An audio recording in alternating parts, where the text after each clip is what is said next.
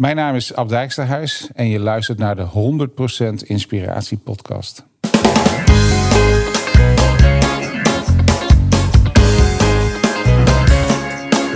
Hey, wat goed dat je luistert. Hij staat weer voor je klaar. Je wekelijkse dosis inspiratie is weer daar.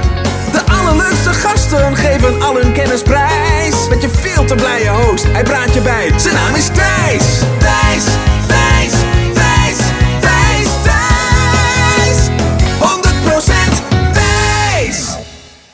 Welkom, luisteraar of kijker. Dat kan natuurlijk ook op YouTube. Een eh, nieuwe aflevering staat voor je klaar. En wel met Ab Dijksterhuis. Nou, hoe ben ik bij Ab terechtgekomen? Is wel leuk om te vertellen.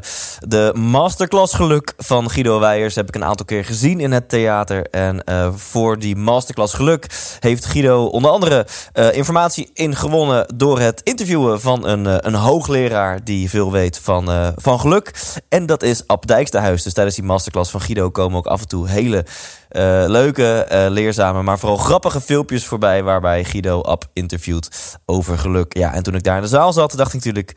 oké, het lijkt me heel tof om deze man, om Ab Dijksterhuis... ook te interviewen voor mijn eigen podcast. En dat is gelukt. Hij heeft hier plaatsgenomen in Amersfoort in de kerstverse studio. En er staat nu een interview met hem voor je klaar. Nou, mocht je Ab niet kennen, een korte introductie. Hij is hoogleraar eh, aan de Radboud Universiteit Nijmegen. Hij is psycholoog en hij heeft een eh, zestal eh, boeken geschreven.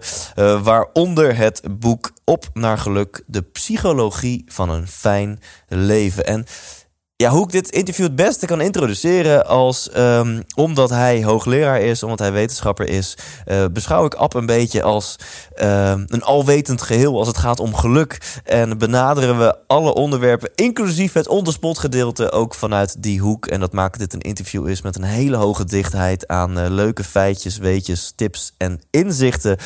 Een sneak preview, waar gaan we het dan onder andere over hebben? Op welke vragen krijg je antwoord? Nou, hoe het komt dat we trauma ontzettend overschatten. Hè? Dus dat het maken van een moeilijke keuze is in de praktijk. eh, eh, kost dat veel minder trauma dan je van tevoren denkt. Eh, maakt geld gelukkig? Een ongemakkelijk antwoord, onthoud dat. Een ongemakkelijk antwoord op die vraag krijg je komend uur. Waarom we zo gelukkig worden van reizen? Welke beroepen over het algemeen het meeste gelukkig maken? Hè? Dus mensen in welke beroepsgroepen zijn over het algemeen het meest gelukkig? En last but not least, hier nou, dit vind ik zo magisch interessant. eh, dat geluk voor 50% eh, te maken heeft met omstandigheden en je genen. En voor 50% beïnvloedbaar is. Ehm, daarover ga ik Ab flink aan de tand voelen hoe het dan zit met die beide 50%. En of we daar nou wel of niet wat aan kunnen doen. Kortom, een drukke intro voor ook gewoon een, een interview bomvol inspiratie. Hier is Ab Dijksterhuis. 100% Thijs. Ja, Ab. Wij zitten hier in eh, de, de, de allereerste aflevering in mijn eigen podcaststudio. Dat Dus- zeg jou helemaal niks, maar je kijkt me vragend aan. Ja, ik heb hier eh, eh, voor de mensen die kijken. Als je dit hoort, check alsjeblieft even YouTube. Want ik heb hier bloed, zweet en tranen ingestoken samen met mijn assistent om hier het hele kantoor te verbouwen. Mijn, mijn team is pist, want de huiskamersetting in, in, in onze open office is nu weg. En ik heb hier twee banken neergezet. je eigen, ja. Ik heb een gloednieuwe camera aangeschaft. Dus eh, nou ja, laat dat niet voor niks zijn. Als je dit hoort, check ook even gewoon op YouTube Thijs Lindhout. En dan eh, misschien dat je dan denkt van... Nou, eh, ik ben hoekt en er zitten twee zulke knappe mannen... daar op, op, op die bank, op die sofa's. Ik ga gewoon het hele interview kijken. Nou, genoeg zelfpromotie. Ab, Ja, wat wil jij worden als je later groot bent? Eh, schrijver. Schrijver. Ja. Dat is volgens mij al aardig gelukt eh, tot nu toe.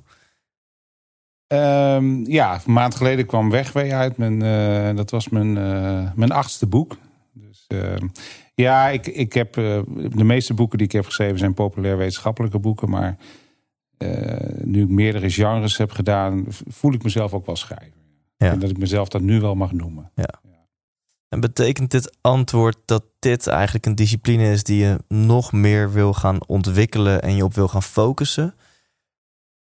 Ja, ik merk, uh, ik, ik, ik vind het universitaire werk leuk, hoewel de, de, de toenemende bureaucratie wel, wel moeilijk is op de universiteit. Moeilijk om mee om te gaan voor mensen die, uh, die, die van vrijheid en autonomie houden.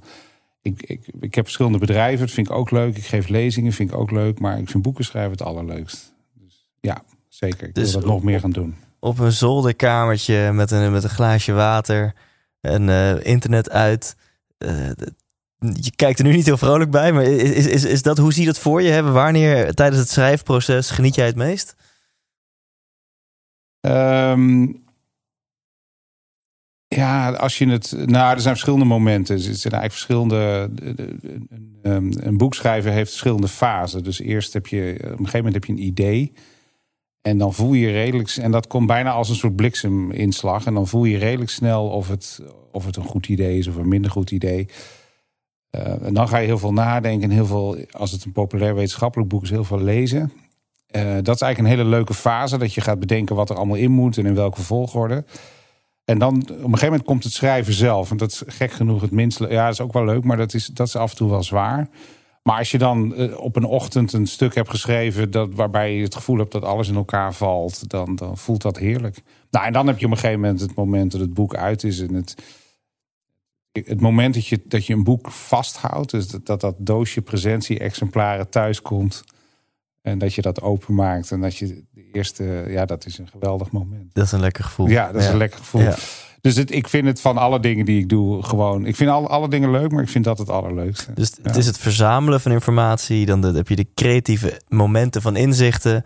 En ook nog eens de voldoening aan het einde van de rit als dat eerste exemplaar eh, in je handen ligt. Ja, precies. En dat, dat, zeker dat laatste, dat, het is ook zo heerlijk tastbaar. Een boek is, het is een prachtige uitvinding. Het bestaat ook al heel lang.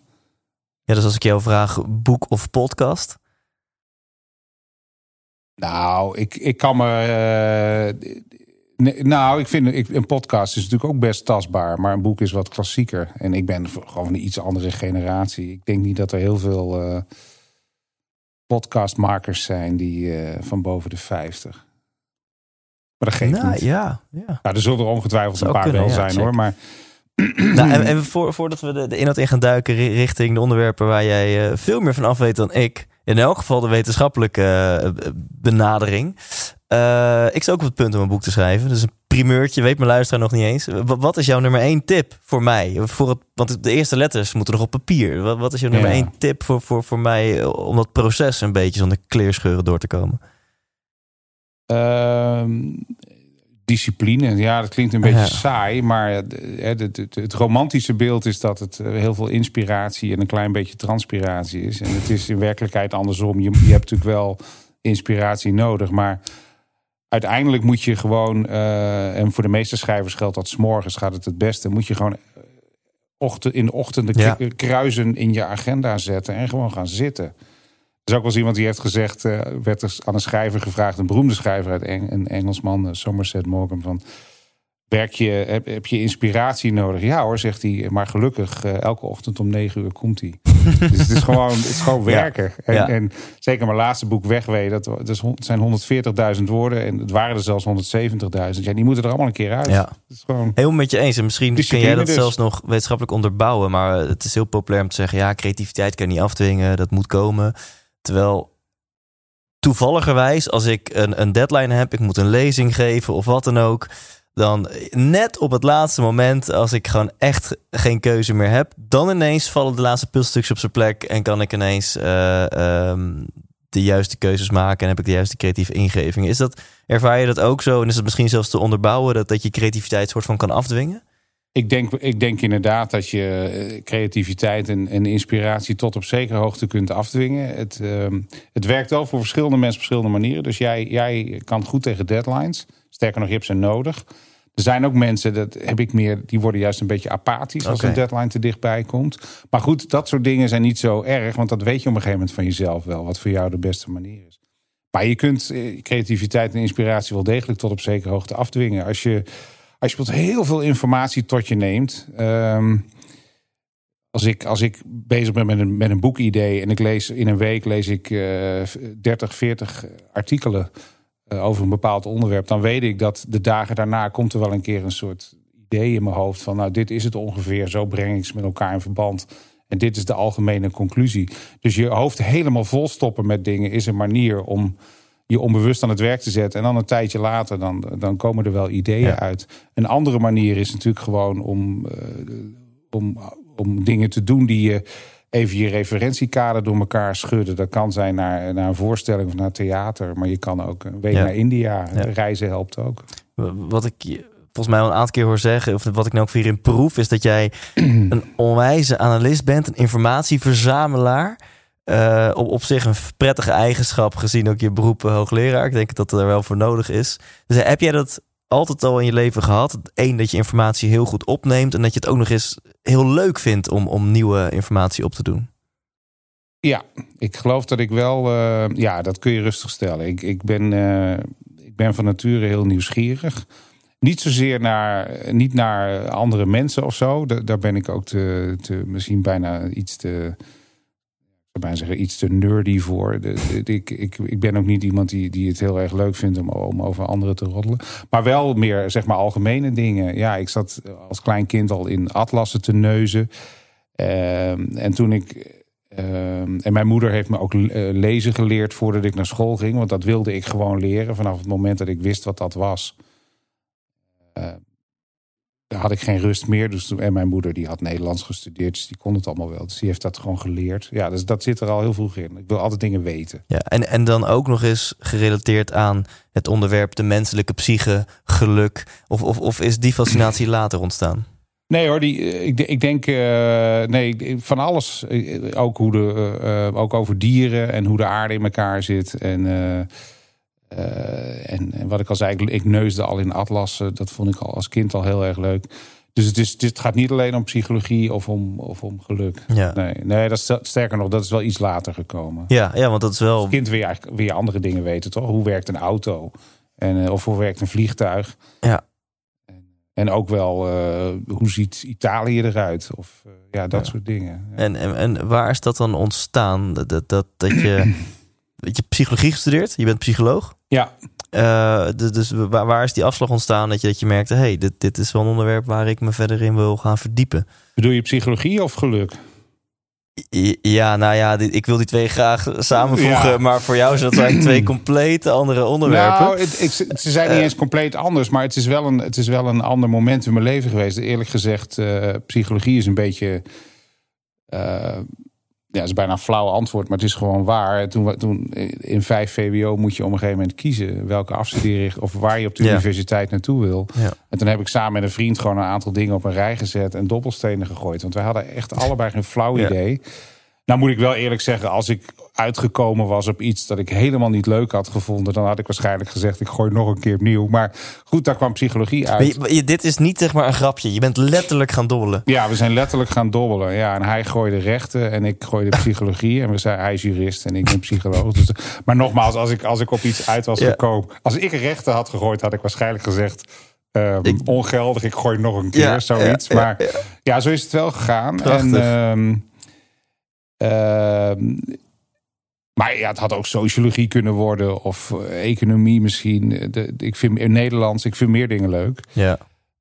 Um, en geluk is, is, is van veel. Um, mijn interesse in, in, in het onderzoek naar geluk is veel, van veel later. Ik, uh, ik heb in 2010 heb ik eigenlijk mezelf een soort sabbatical gegund. Niet, niet een heel jaar, het was ruim een half jaar. En toen zei ik: ik ga geen nieuw onderzoek doen. Ik ga alleen maar lezen. Ja. En ik wilde er een nieuw onderwerp bij. En toen merkte ik dat ik eigenlijk steeds weer terugkwam op geluk. En ik heb toen niet alleen psychologie gelezen, maar ook economie en neurowetenschap. En ook boeken over boeddhisme en, en de oude, oude Griekse wijsgeren. En het ging altijd maar weer over. Ik, ik ging eigenlijk, werd als, als door een soort, soort magneet elke keer ja. naar dat geluk toegetrokken. Ja. En toen dacht ik, nou ja, dan moet ik daar iets mee gaan doen. En toen ben ik daar onderzoek naar gaan doen en, en boeken over gaan schrijven. Ja. En als jij dan onderzoek doet naar geluk, waar je dus nu al bijna tien jaar mee bezig bent, um, merk je dan ook dat je continu je eigen leven als een soort van leidend voorwerp gebruikt? Van ja, wacht even, als ik dit nu weet, doe ik het dan zelf ook? Of, of merk ik dat dit werkt in mijn eigen leven? Nou, niet continu, maar wel veel. En zeker de eerste paar jaar. Kijk, Ja. op een gegeven moment komt er niet zoveel nieuwe kennis meer bij, omdat je alles wel gelezen hebt. Eh, ja, de eerste paar jaar had ik dat heel erg. En ook niet alleen eh, recent onderzoek ook hoor. Ook, ook eh, ja, nogmaals, al die oude Grieken lezen en, en boeken over boeddhisme. Ik vond dat in het begin geweldig inspirerend. En ik ging, ik ging inderdaad wel een aantal dingen in mijn eigen leven veranderen. Ik ben ook wel gelukkiger geworden. Ja. Kun je daar eens een paar voorbeelden, voorbeelden van noemen? Ik denk dat ik iets, iets meer stilsta bij, bij de dingen die ik gedaan heb. Dat ik daar ook wat meer van geniet. Zonder dat ik meteen heel jachtig eh, verder ga met, met, met, met het volgende. Ehm, ik maak me veel minder snel druk om dingen. Ehm, ja, dat zeiden de Stoïcijnen al. Hè, van je hebt... er zijn twee, dingen waar je, twee soorten dingen waar je druk over kan maken. Eén, dingen waar je niks aan kan doen. Nou, moet je ook niet druk over maken. De tweede dingen waar je wel wat aan kan doen, moet je ook niet druk over maken. Moet je er wat aan gaan doen. En soms zijn dat van die, van die bijna Cruyffiaanse wijsheden, ja. maar ze kloppen wel. En, en, en ze zijn ook. eh, als je, er, als je ernaar gaat leven, als je dat een paar maanden echt in je hoofd prent en daar af en toe eens aan denkt, dan, dan helpt dat wel. Dat En, vind wat wel- is dan iets wat je zegt, hè? Het zijn twee. Oké, je maakt je zorgen. Je loopt te piekeren, je, je vindt het een probleem. Kan je er invloed op uitoefenen? Nee. Nou ja, stop dan met piekeren. Kan Ja. je er wel invloed op uitoefenen? Ja, ga dat dan doen. Precies. Maar kan je eens een voorbeeld uit jouw leven noemen waarbij je deze wijsheid hebt toegepast? Ehm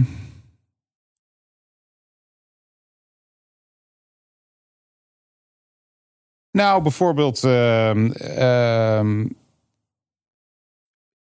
in, de, in, de, ehm, in de eerste jaren dat ik met geluk bezig was, lag eh, mijn vakgebied in de, in de, de- op de Universiteit Sociale Psychologie nogal onder een vergrootglas. Dat had ook te maken met een, met een ellendige fraudezaak van een collega.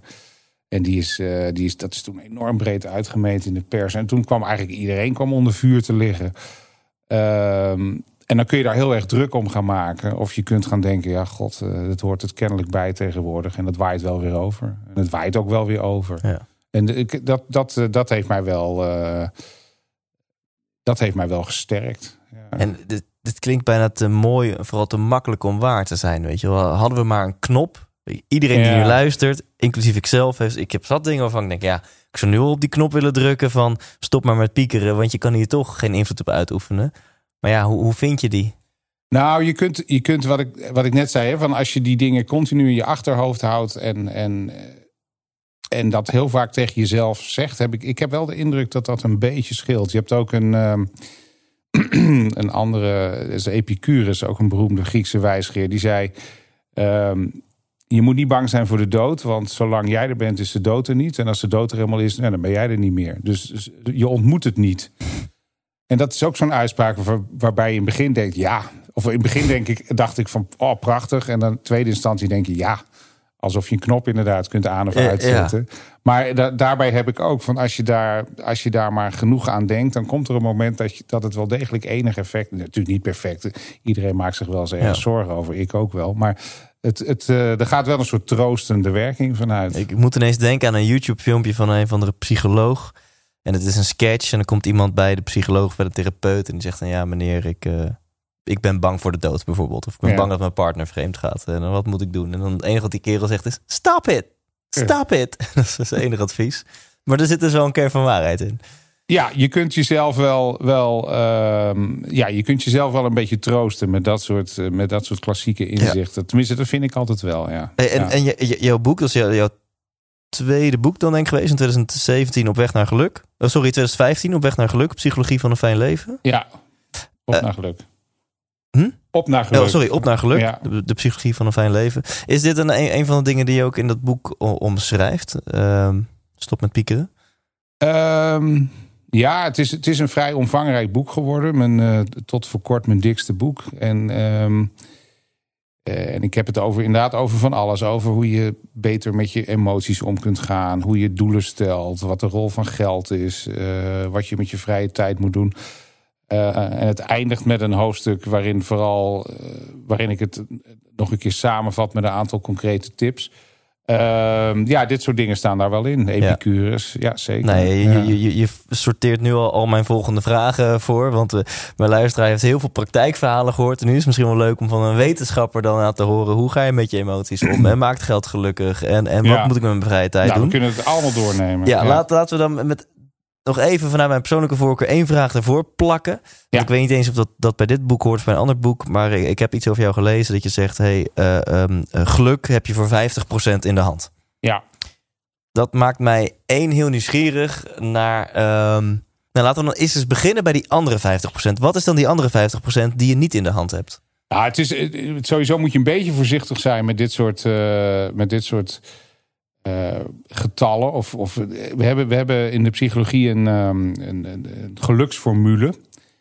Eh, en die zegt inderdaad, eh, ongeveer 40% van ons geluk is genetisch bepaald. 10 tot 20% is afhankelijk van omstandigheden, leefomstandigheden. En 40 tot 50% van de keuzes die je zelf maakt. Dus je zou Ja. kunnen zeggen, dat heb je zelf in de hand. Maar dan moet ik er, en dat zeg ik ook in op naar geluk, dan moet ik er meteen een paar eh, dingen bij zeggen die dat eh, enigszins kwalificeren. Ten eerste werkt het, het werkt niet op individueel niveau. Het is, het is echt een statistische truc. Dus als je de hele Nederlandse bevolking op een rij zet en je meet geluk, dan kun je de verschillen tussen die mensen verklaren met die. Maar dat wil niet zeggen dat 40% of 50% van jouw geluk Ja, eh, dat kan meer of minder zijn afhankelijk van wie je bent. Nou, om het dan nog iets ingewikkelder te maken, de formule werkt eigenlijk alleen goed in stabiele westerse democratieën. Je kunt ook niet naar Syrië gaan nu en zeggen. Gelukkig is die oorlog van jullie maar 10 tot 20 procent van je geluk. Was het maar zo? Het is natuurlijk Ja. veel meer. Ehm, dit zijn wel belangrijke nuances. dat zijn belangrijke nuances. En, en, en dan heb je ook nog dat ze, eh, om het ingewikkelder te maken, dat ze met elkaar interacteren. Dus als jij bijvoorbeeld heel veel geld hebt, dat zijn omstandigheden, dan kun je ander soort keuzes maken dan iemand die weinig geld heeft. Ja. Dus het Dus, is echt wel iets ingewikkelder. Maar ik heb het, ik heb het wel eh, in, in, in Op naar Geluk eh, uitgebreid beschreven, omdat ik het. Ik vind het wel een mooie vuistregel. Hè, van je toon mensen dat, een, dat, dat ze een aantal belangrijke keuzes kunnen maken. die echt een bijdrage leveren aan hun eigen geluk. Het is niet zo dat het je overkomt of niet. Dat is gewoon echt niet Nee. zo. En oké, je zegt stel, ik geef mijn eigen geluksniveau een 8. Ja. Dan kun je dus niet per se stellen dat, nou, dat is dus 10% is dat je omgeving, 40% je genetische samenstelling en 50% je eigen keuzes slash mindset. maar het is meer, als ik mezelf een 8 geef en jij geeft jezelf een 9, dan is het verschil tussen die twee, die is volgens deze formule. ja, bij, te- bij, op een hele bevolking. Ja, Ja, precies. ja, ja. Laten we toch even, je hebt de nuances genoemd, we die percentages even aanhouden. ja. Ehm 10 tot 20 procent is, is, is je omgeving. En dan, dan Ja. heb je het dus over iets waar je in principe geen controle op hebt en weinig tot geen invloed. ja. ja, daar komt het op neer. Ja, of zeg Ja. je van nee. Eh, de grens is niet altijd even duidelijk te maken. Maar eh, je, je moet dan denken aan allerlei demografische dingen. Dus inderdaad inkomen.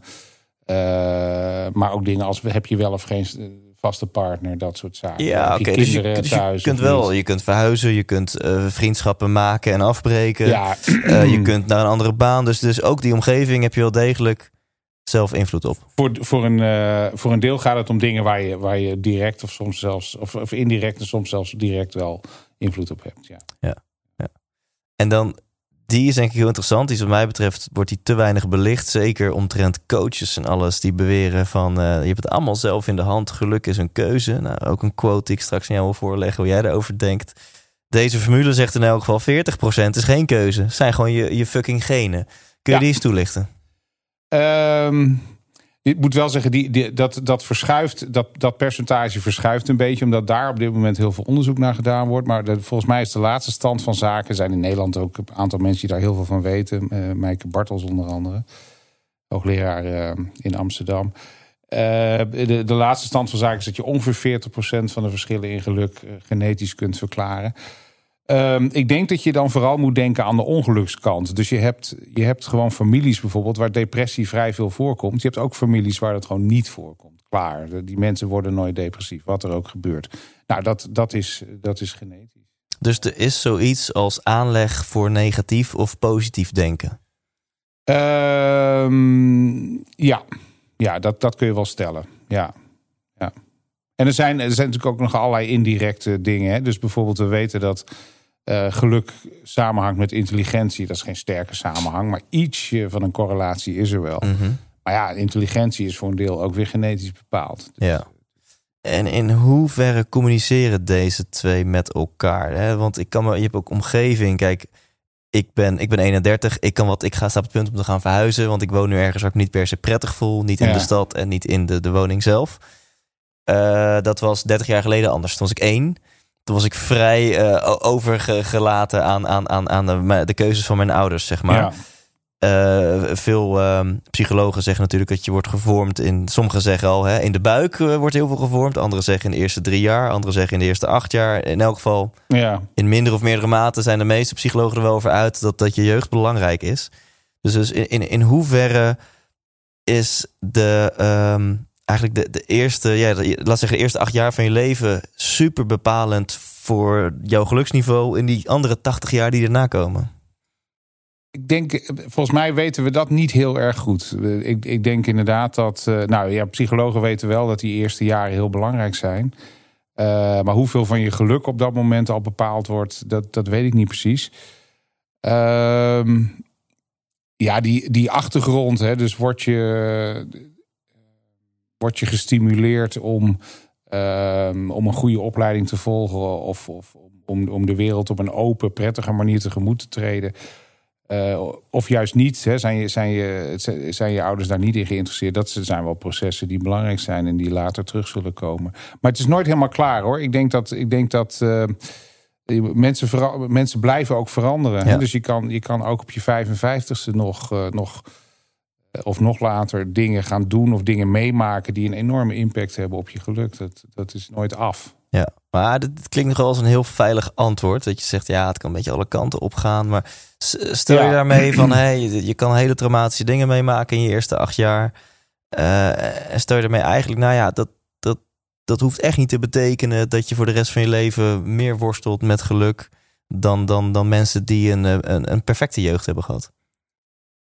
Ehm, oh, dat denk ik zeker. Ik denk, ik denk zeker dat, dat, dat er eh, allerlei ellendige dingen kunnen gebeuren die tot trauma's leiden. Maar, en dat is ook weer een veilig antwoord. Maar ja, omdat het nou helemaal zo is.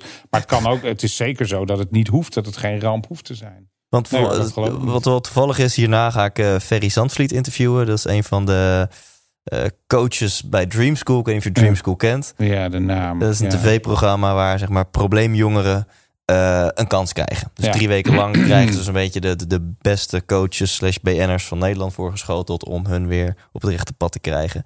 En eh, ik heb een paar afleveringen van het programma gekeken. En dat zijn jongeren, ik geloof van tussen de 14 en 20 of zo. Ja, en die hebben, die hebben zulke, de meeste hebben zulke traumatische dingen meegemaakt. Ja, ze zijn zo verwaarloosd door hun ouders. op hele jonge leeftijd al, al vrienden verloren. Dat soort dingen. Ehm, ja, dat je gewoon echt ziet hoe, hoe, hoe voor veel van die jongeren... hoeveel hulp ze ook krijgen. ja. Ze accepteren het gewoon niet. Of, of, of die patronen zijn al zo ingeroest... dat je denkt, ja, ga, gaan die nog wel gewoon ooit op het rechte pad komen? Ja. Ja, ik denk dat je, dat weet ik natuurlijk ook niet, maar je, je, je, moet natuurlijk, je moet het, je moet, het is een beetje een plat antwoord, je moet altijd hoop houden. Ik Ja. denk dat er ook heel veel eh, mensen zijn, jongeren met, met gigantische trauma's, die, die zich op een gegeven moment wel gewoon op een normale manier Ja. ontwikkelen, of die daar toch een eh, manier in vinden om daar goed mee om te gaan. Ja. Dus het is zeker geen wet dat, eh, dat, dat een hoop jeugdellende leidt tot, tot Nee, ongeluk nee, later. Ja, dat is misschien een mooi linkje naar die andere 50 Hè? Want dan, de vraag ligt dan nu op de loer van... oké, maar wat maakt dan dat de ene probleemjongere... zeg maar eh, op een slechte pad belandt... en de ander met een bijna gelijke omgeving... wel zichzelf kan herpakken en op het rechte pad belandt? Ja, dat kunnen natuurlijk verschillende dingen zijn. Het, het kan zijn dat de een succesvolle hulp krijgt en de ander niet. Eh, het, het, kan ook, het kan ook samenhangen met bepaalde karaktereigenschappen, doorzettingsvermogen, dat soort zaken. En de omgeving is heel belangrijk. Er zijn natuurlijk, zijn natuurlijk een aantal eh, fasen in je leven dat je, dat je sociale omgeving nog belangrijker is dan op andere momenten. Eh, de leeftijd dat mensen het meest beïnvloedbaar zijn, is precies die leeftijd die jij nu noemt, tussen 14 en nou, 20 ongeveer. Het is natuurlijk, het is natuurlijk een, een heel oud natuurlijk hele oude kennis, maar hè, als je foute vrienden hebt, dan. Uh, Nou, maar dit vind ik interessant. Wat zeg je daarmee? Je bent dus 14, 20 ongeveer je meest beïnvloedbaar. Is die periode, wat jou betreft, uh, tekenender dan je eerste acht jaar? uh, Nee, maar die eerste acht jaar word je vooral word je veel meer getekend door je ouders. In de 14 tot 20, dat denken sommige ouders wel, dat ze dan nog steeds allerlei invloed op een kind kunnen uitoefenen. Maar dat is, uh, ik, zou, ik zou niet zeggen, ze helemaal vergeefse moeite, maar dat is niet zo. In die leeftijd eh, worden kinderen beïnvloed door, door hun vrienden en vriendinnen. Ja. Niet, nauwelijks meer door hun ouders. Ja. Dus dat is het grote verschil. Ja, dus dan, dan, dan wordt echt de persoonlijkheid gevormd van oké, hoe denk jij over het leven? Al dan niet beïnvloed door je omgeving. Ja, precies. En die, die omgevingsinvloed is heel belangrijk. En die, die, eh, die ligt niet meer bij je ouders. Ja. ja. En, en als eh, we zijn nu een beetje in die 50% gerold, hè, waar je, waar je dus, hè, die ook je geluksniveau beïnvloedt, uh, die aan de hand, of die wordt bepaald door je mindset, door je eigen keuzes. Even een super brede vraag, maar ik moet hem toch even stellen. Dan is de vraag die, die mij dan in mij opkomt: van oké, hoe? hoe? Hoe kun je dan dus hoe, eigenlijk zit er een, een, een, hoop in van hoe tragisch je leven nu ook is. Je hebt voor 50% kan je er zelf invloed op uitoefenen. Uh, hoe, hoe kunnen mensen dat het beste doen?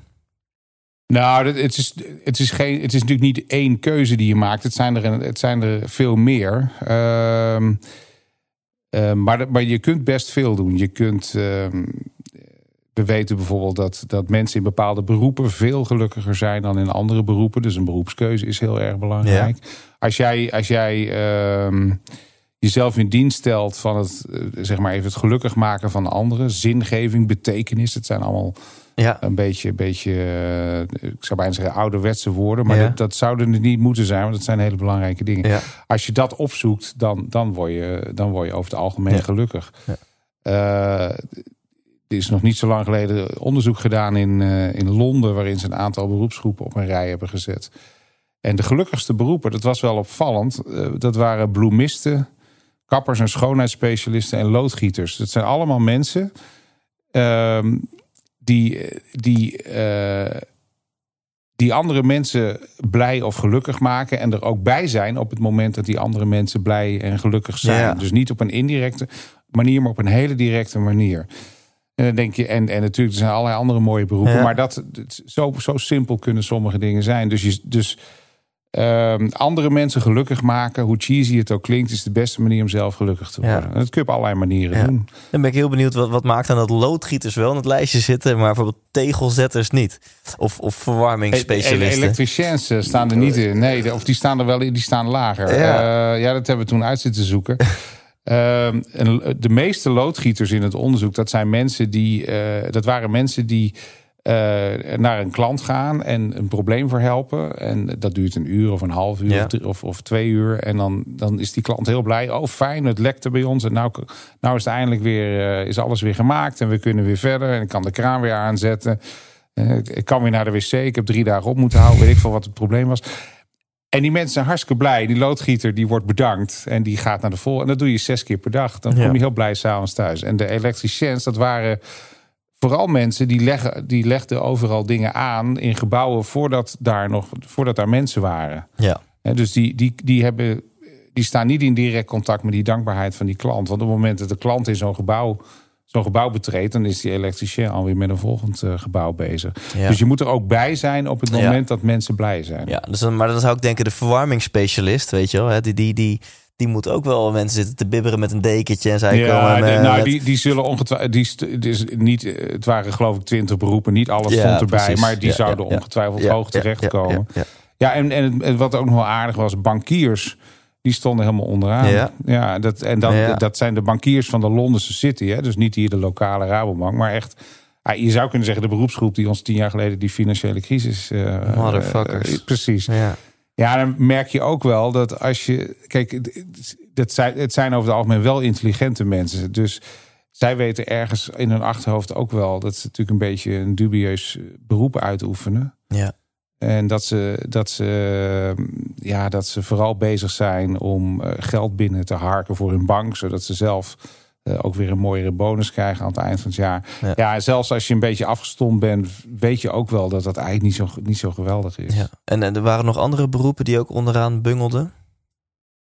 Ehm, nee, gek genoeg weet ik, weet ik uit mijn hoofd meer van bovenaan. Dat Oh ja. op een of andere manier verdrong. Ik vond het wel. Ik, ik weet dat ehm, eh, docenten, teachers, het is natuurlijk Engels onderzoek, die stonden niet, niet helemaal onderaan, zeker niet. Maar wel, wel, wel lager dan ze zouden moeten staan. Dat, dat heeft iets triest. Het is een heel mooi vak. Je geeft Ja. les aan anderen. Ja. Die stonden niet zo hoog. Misschien omdat het niet altijd even dankbaar wordt ontvangen? Nou, nee, op het, op het moment zelf ontmoeten ze natuurlijk heel weinig dankbaarheid. Ja. Ik weet zelf nog wat een klier ik was vroeger in de klas. Bedoel, Ja, je hebt dus- natuurlijk niet vaak dat, dat, dat studenten na een college met tranen in hun ogen naar je toe komen van... Ab, wauw, bedankt voor deze hoop. Wij- Nee, en dat is op een universiteit maak je nou niet tranen, dat hoeft ook niet. Op een universiteit gaat het nog, maar, dit, wa- dit was vooral Ja. middelbare school. Dat is natuurlijk nog veel erger. En, en, en de rode draad is zowel onderaan de lijst de bankiers als bovenaan de lijst de schone specialisten, kappers, loodgieters. De rode draad is zingeving. Dus heb, heb, je, heb je het idee, dan definieer je zingeving als dat je iets voor een ander doet. Ja, dat je de wereld mooier maakt of dat je andere Ja. mensen helpt. Ja, het is een, het is een beetje een paraplubegrip, maar zeker. Ja. Ja, maar kun je daar iets meer over zeggen? Want ik, ik zelf merk, ook als ik, als ik lezingen geef, dat mensen bijna bij het woord zingeving lopen ze de zaal uit. Weet je wel, van het is zo'n vaag woord. En, eh, Ja, en, en, en, wij en noemen het betekenis. In, ik noem het in mijn lezingen meestal betekenis. Dat je, dat je betekenisvolle dingen doet. Maar het klopt, het is een. Het is een. ehm, het is ook een vage term. Het is een soort, soort, soort paraplubegrip. Laat zo zeggen, is, is, is dat voor iedereen mogelijk? Kan elke accountant, elke consultant, elke vuilnisman, elke tramchauffeur... kan die zingeving ervaren in in elk geval het werkende leven van zijn bestaan? Ehm, nee, ik denk, ik, denk, ik denk dat dat voor sommigen heel erg moeilijk zal worden. Als jij in een sigarettenfabriek werkt, dan, dan heb je het moeilijk. Ja. Hoe, ga je, hoe ga je dan aan jezelf verkopen dat je. Dat je eh, Ja. maar ik denk, ik denk dat het in veel beroepen wel, wel eh, tot op zekere hoogte kan. En, eh, en je ziet ook wel, je ziet in allerlei beroepsgroepen al wel grote verschillen. Je noemt net geloof ik ook buschauffeur. En daar zie je toch wel verschillen. Hè? Mensen die, eh, ja, die zwijgend de hele dag van A naar B rijden. Ja. En, en mensen die, die, die bij wijze van spreken, behalve dat eh, rijden zelf, ook een soort service proberen te verlenen. En Ja. leuk met hun klanten Ja. omgaan. En die laatste groep, die zal, ook, die zal hun beroep, het beroep ook als leuker Ja. ervaren. En, en ongetwijfeld eh, Ja, gelukkiger een vriend zijn. van mij die maakte een keer een gesprek met een tramchauffeur, tram 7 of zo in Amsterdam. En die zei, hey, hoe, is- hoe is het nou? En eh heb je een beetje variatie? Eh, elke dag een andere dienstregeling of andere... Nee, tram 7, elke dag. En dat is een route van 30 minuten, dus die rijdt hij 16 keer. Of 8 keer heen en weer. Ja. En hij zo, eh, hoe gaat het? Weet je wel? En die tramchauffeur, ik vind het fantastisch. Ja. het mooiste wat er is. Weet je wel? Die vond het helemaal mooi om, om elke dag eh, acht keer hetzelfde Ja. ritje heen en weer te rijden. En die haalde dus echt eh, zijn plezier uit de, de connectie met de mensen. Ja, en, maar precies, dat, dat, dat kan heel goed. En ik denk dat. ehm, ehm, ja, of dat je, dat je, wat bijvoorbeeld ook kan, is dat je je identificeert met het product dat je maakt. Hè? Als jij in een bepaalde fabriek werkt, die wasmachines maakt, ja, dan kun je dat, kun je dat heel sec bekijken. Maar je kunt ook gewoon af en toe eens nadenken over Ja. al die gezinnen die je helpt. Met, Ja. met, met gewoon een, een kwalitatief goed product. Wat ontzettend goed. eh, hè, 50 jaar geleden hadden we ze nog niet. En nu kun je niet meer zonder. En, en stel dat mensen nu luisteren en denken, ja, ik heb inderdaad wel moeite om, om nou 1, 2, 3 uit mijn werk zingeving of betekenis te halen.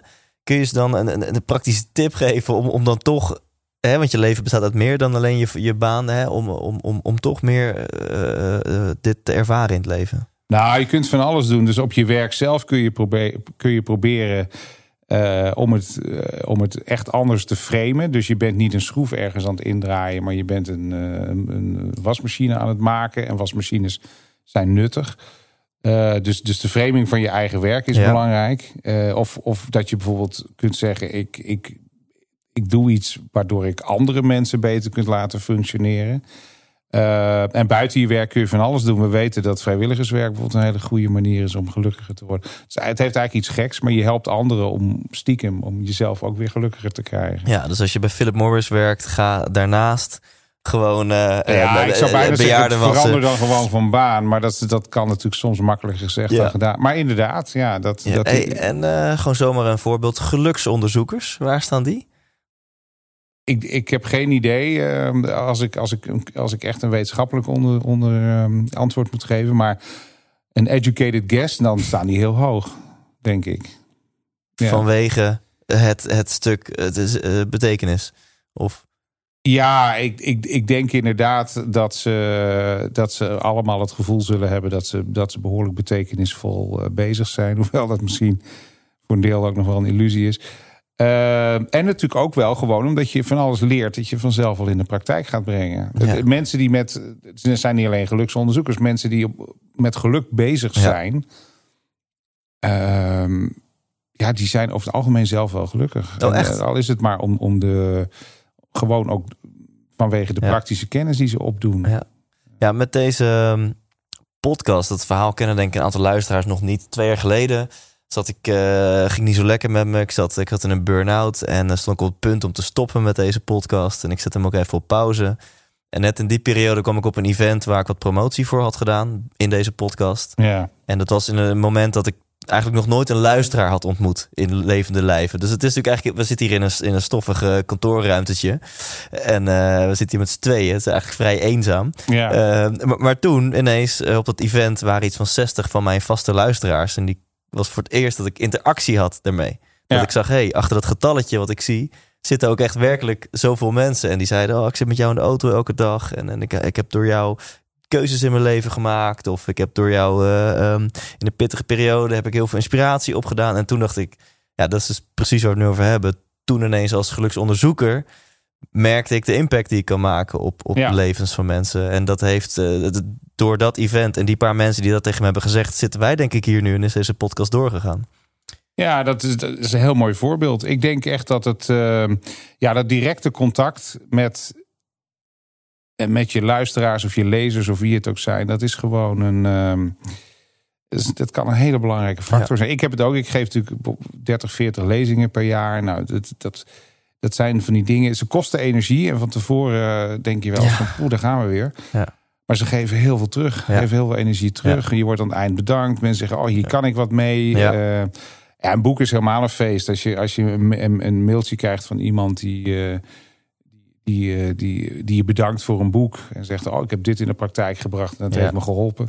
Ja, heerlijk. Of ik heb een paar jaar geleden Winnie Reis is gek geschreven. Een, een, een vrij dun boekje over psychologische voordelen van reizen. Ehm, en dat is ook, sta- staat ook vol met, met mijn eigen reisanekdotes. En vanaf dat moment is het eigenlijk een beetje als een running gag.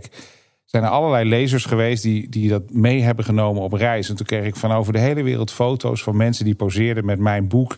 En daar vaak een mailtje erbij van, oh, dankjewel. Ja. En ja, dat is, dat is heerlijk Ja, dan is die cirkel rond. Dus je, Ja, je zegt het ook best wat transpiratie. Het, het proces van een lezing voorbereiden of een boek schrijven. Maar eh, één, je vindt het ondanks de transpiratie al leuk. Maar als je dan ook nog eens die betekenis terugkrijgt omdat mensen je bedanken, dan Ja. is het eh, fantastisch. eigenlijk zou je, zou, zou je kunnen zeggen, als je, als je, als je voor jezelf nou, eh, ehm, als je denkt van wat zou ik, wat zou ik aan, in, in- qua tijdsbesteding anders kunnen doen om gelukkiger te worden?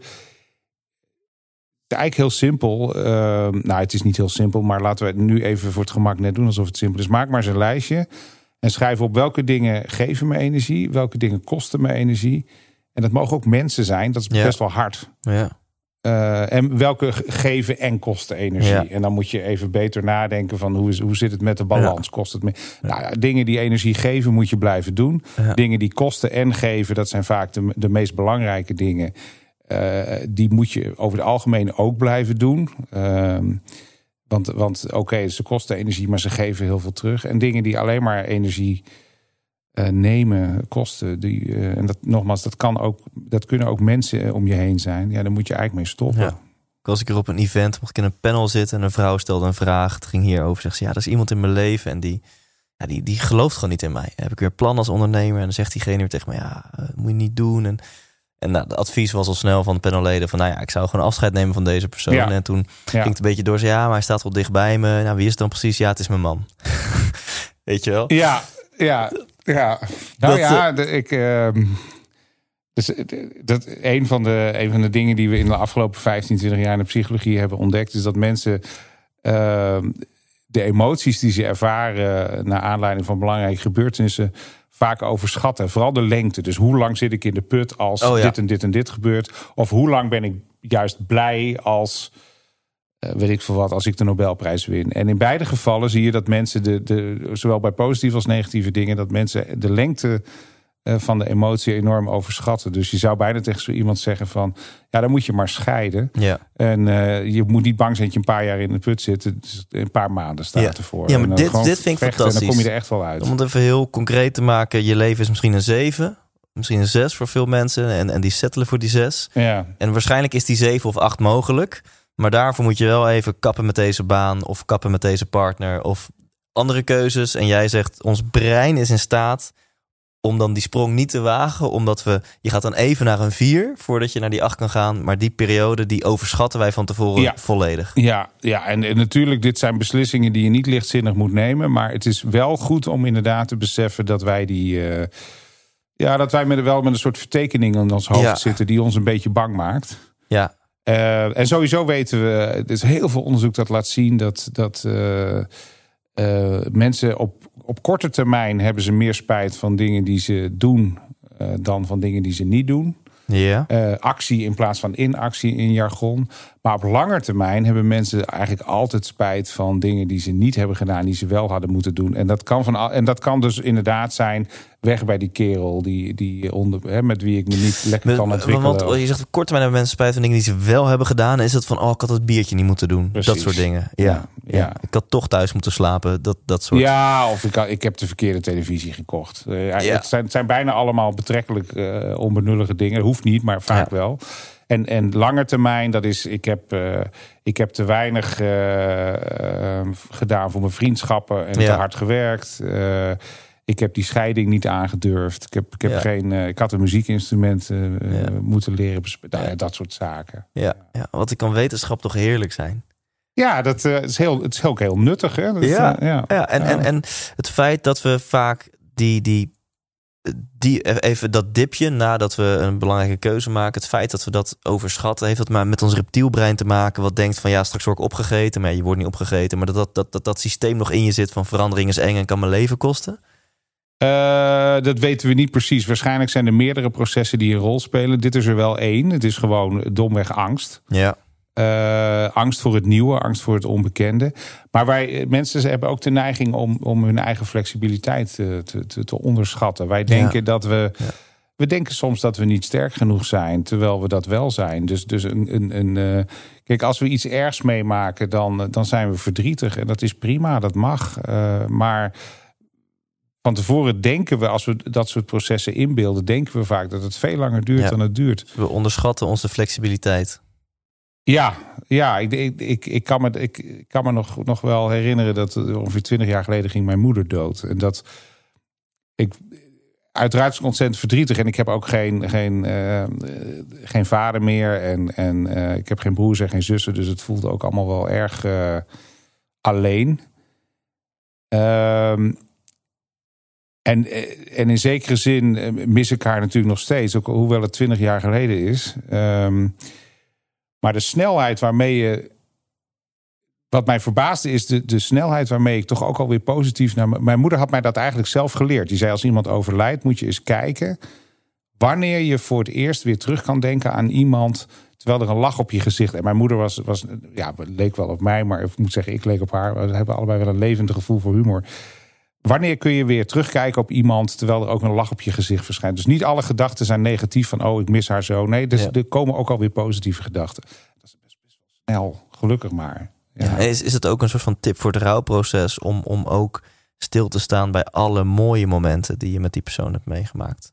Nou, dat helpt wel. En, Ja. en inderdaad, eh, kijk ook hoe, hoe snel dat al kan gaan. Dat je nog steeds hartstikke verdrietig bent en je zit nog te janken op de bank. Maar tegelijkertijd komt er ook alweer een lach op je gezicht. Omdat je denkt aan iets, aan iets grappigs wat je, Ja. wat je nog Ja. mee hebt gemaakt. Ja, ja. Hey, en er zitten nog zoveel brandende vragen op mijn hersenstam. eh, dus eh, we zitten hier nog eventjes. Ehm, eh, je zei net, tussen neus en lippen door, het beroep geluksonderzoeker. Vaak mensen die met het beroep bezig zijn, die zijn best wel gelukkig. Want die doen ook heel veel praktische tips op. Nou heb ik toevallig een eh, maand of zo geleden naar mijn, mijn, mijn fans of mijn e-maillijst een mailtje gestuurd van jongens. Soms heb ik het idee dat dat als, als maar beroepsmatig zoeken naar geluk, dat dat me best wel ongelukkig maakt. Eh, omdat je het misschien wel gaat overanalyseren. En dus telkens je eigen leven als, als soort van practicum gebruikt. Ja. Hoe, hoe ervaar jij dat?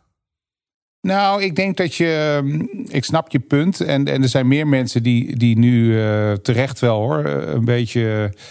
Dirk de Wachter bijvoorbeeld. Die zeggen van. Ga, gaan we niet met z'n allen een beetje te ver in dat, in dat geluk zoeken? Ja. Uh, wordt het niet bijna een norm?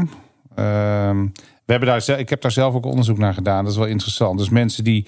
Er, lijkt inderdaad een soort norm te ontstaan. In, in, vooral in westerse samenleving van we moeten gelukkig zijn. En heb je een deel van de mensen die laat zich daar positief door beïnvloeden. En die, uh, die gaat met zichzelf aan de slag. En meestal heeft dat wel, wel positieve effecten. Maar er is een kleiner deel die, die, van de mensen die gaat het als een soort druk ervaren. Van ik moet gelukkig zijn. En die worden juist minder gelukkig. En dat is juist, dat is vooral de groep die van zichzelf het al wat moeilijker heeft. Ja, dat is natuurlijk niet de bedoeling. Eigenlijk moet je het, moet je het een beetje. Uh, moet je, het, moet je niet, niet zozeer op zoek gaan naar uh, op een hele directe manier naar geluk. Je moet de dingen die jou gelukkig maken. Daar, dus zin, hebben we het weer over zingeving, betekenis dat soort zaken, daar moet je in gaan investeren. En dan is geluk eigenlijk het, het mooie, het prachtige bijproduct. Ja, Je zou, je moet, het is, wat dat betreft kun je het een beetje vergelijken met geld. Je moet niet uh, proberen zoveel mogelijk geld te verdienen. Je moet iets doen wat je leuk vindt. En hopelijk verdien je daar ook wat geld mee. Dat is eigenlijk een beetje het idee. Ja, mooi. Dus geluk is een eindresultaat, maar niet het middel. Als je, op dat, als je daarop gaat focussen, dan ben je aan het focussen op op iets wat een resultante is van bijvoorbeeld ja, focussen precies. op zingeving. En, ik, en ik, ik denk mensen die genieten dan, die, die zijn dan vooral op zoek naar. Uh, die investeren dan te veel in korte termijn dingetjes. En niet, ja. geluk is iets geluk hoort iets te zijn wat, wat uh, redelijk stabiel is. Hè? Wat, wat, wat, wat ook als een soort buffer fungeert. Waar, je, waar je tegenaan kunt duwen. Ja. Dat het niet meteen omvalt. Geluk is niet hetzelfde als plezier of genot. Nee, dat precies. is afhankelijk van omstandigheden. Ja. dat halen mensen denk ik wel vaak door de war. Je hebt soort van je, je default state of happiness. Ja. Weet even geen mooie Nederlandse vertaling. Je, je basis geluksniveau of zo. En, en, en dus eigenlijk hoe gelukkig voel jij je als je op dat moment toevallig net niet in een orgasme zit en je wordt ook net niet aangereden door een trak. Dus je zit even niet in een piek of een low, nee, maar het is even, even is er niks geks aan de hand. Wat is dan het default state of happiness waar je lijf terug naar Ja. gaat? En dan heb je de korte termijn, dat is meer genot. Chocola, dansen, Ja. seks, bungee jumpen. dat helemaal niks dingen. mis mee. Maar op het moment dat je, dat je chocola eh, op is... of je, je bent veilig Ja. eh, geland met je... nou, landen bij bu- bungee jumps een beetje. Maar dan, dan is het genot ook afgelopen. Je kunt er nog met plezier op terugkijken. Nee, maar dat is het dan wel. Je hoort mensen wel zeggen, en dat kan best wel voor sommige mensen een populaire uitspraak zijn. Van ja, weet je, geluk zit hem in de kleine dingetjes. Als ik gewoon even, weet je wel, ehm, een glimlach van mijn kind zie. Of inderdaad, als, als ik met, met mijn theetje en mijn chocolaatje Netflix op de bank zit te kijken. Of mijn croissantje op staat. Maar mensen die dat dus zeggen, ja, halen, eh, hebben die eigenlijk niet door dat dat dus niet gelukkig maakt. Dat zijn gewoon korte momentjes. Misschien, ik denk dat ze bedoelen dat, dat echte gelukservaringen... eh, soms in kleine momentjes... dat je even bewust Ja. bent van dat je het goed hebt. Ja, Ook daar is niks mis mee, maar dat is niet hetzelfde als, hè, dat, dat is niet hetzelfde als geluk. Dat je nee. in Zuid-Frankrijk op je terras met een mooi glas wijn in één keer beseft van goh, eh, ik, ik heb het goed. Ik heb Ja. het, eh, en dat is, dat is helemaal, nogmaals, dat is, dat is fijn, dat soort ervaringen. Maar dat is een gelukservaring. Dat is niet hetzelfde als geluk. Ja, dus, dus als jij je zo wijs maakt van hey, zijn een paar keer in de week heb ik wel van die momenten dat ik echt even de ultiem geluk ervaar. Dat die eigenlijk zeg je, daar zou ik niet op mikken. Dat is leuk voor de bij, maar het is, Ja. geluk is iets veel breders en lange termijn, meer lange Ik termijn. zou zeggen, ik zou zeggen de, de, de momenten, de momenten waarop mensen het meest gelukkig zijn, zijn ze zich niet bewust van hun geluk. Ja, Als je in een flow zit, als je Ja. echt iets heel leuks aan het doen bent. Ja. Als je met vrienden in de kroeg zit, en je hebt gewoon een ontzettend leuke avond.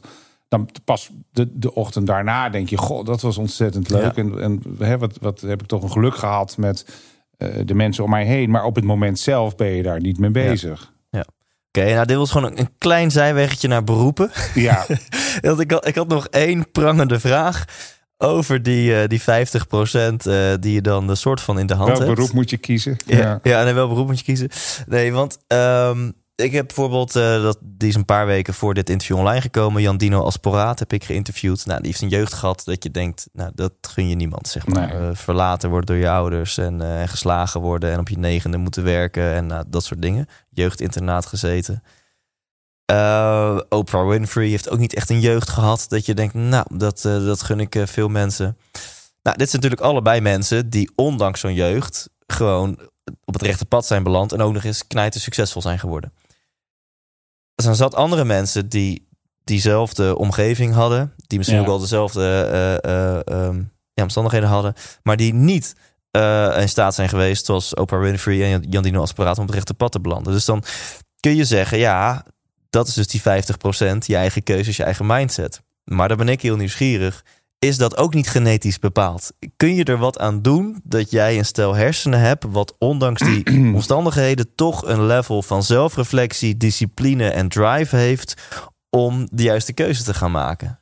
Ja, dat, dat, wordt, dat wordt een hele lastige discussie. Want dan kom je echt, uh, dan, dan, dan ben je eigenlijk op het punt aanbeland dat je kunt zeggen: hebben mensen nog vrije wil? Of is alles al min of meer bepaald? Een soort van non-dualistische ja, uh, achtergrond precies, heeft deze dan, vraag. Uh, ja. Ik vind het altijd ik vind het lastig. Ik heb zelf, als ik, als ik heel analytisch denk, dan, dan ben ik geneigd om te denken dat het leven eigenlijk een soort film is waar je naar kijkt. En als je geluk hebt, zoals wij allebei, dan kijk je naar een hele leuke film en dan is het allemaal prima. Ja. En als je pech hebt, zoals Jan Dino uh, of Oprah Winfrey, in ieder geval vroeger, nu niet meer gelukkig. Dan kijk je naar een klote film. En, om, en in hun geval werd die film Ja. op een gegeven moment gelukkig stukken beter. Um, het probleem is met die, met, met die houding dat als je zo, zo denkt, dan, uh, dat laat sommige psychologische onderzoeken ook wel zien, dat werkt niet zo goed. We moeten eigenlijk de illusie houden dat we wel Ja. een vrije wil hebben. En dat Ja. we dingen wel in eigen hand hebben. Um, en dat we wel uh, minimaal een deel van Ja. ons geluk kunnen beïnvloeden door, door gewoon goede keuzes te maken. Maar als ik er puur wetenschappelijk filosofisch over nadenk, dan kom ik ook wel vaak tot de conclusie dat, dat um, ja, de- inderdaad, dat, dat non-duale, volgens mij heb je Paul Smit ook, Ja. weet ik- ja, heb je Ja, ook wel gehad. ja die, die, die, die lul heeft deze gedachte bij mij geplant. En Ja, sinds, ja, sindsdien kan ik hem niet uit mijn hoofd krijgen. Nee, precies. Nee, Ja. hij, heeft, hij heeft een geweldig, eh, een heel klein boekje. Eh, verlichting voor luie mensen Ja. eh, geschreven. Ja, maar dat, dat, ik, ik, ik vrees dat ik, dat ik het ook wel zo zie. Ja. Maar dat denk ik gewoon niet te vaak. Nee, dus jij denkt Eh, nou, vanuit psychologisch of, of of filo- filosofisch standpunt denk je nou, het zou zomaar eens kunnen zijn dat er een keer van waarheid in zit. Maar Ja. het leven is veel leuker als je jezelf in de illusie houdt dat je wel een vrije wil hebt. Ja, of in ieder geval, je zou nog wel kunnen zeggen: we hebben geen, eh, we hebben, hebben een wil, maar die is niet vrij. Die komt, die komt ergens vandaan. Maar in hoeverre wij willen, in hoeverre, dus nou moet ik voorzichtig zijn met formuleren. Die wil, die, die wordt ons vaak zomaar ingeplant. Hè. Of je, Ja. je wilt iets bereiken, of je wilt een, een nieuw boek, of je wilt dit, of je wilt dat. Maar in hoeverre wij ook daadwerkelijk gaan doen wat wij willen, dat hebben we voor een deel Ja. in eigen hand. Dat Ja. zei Schopenhauer ook al.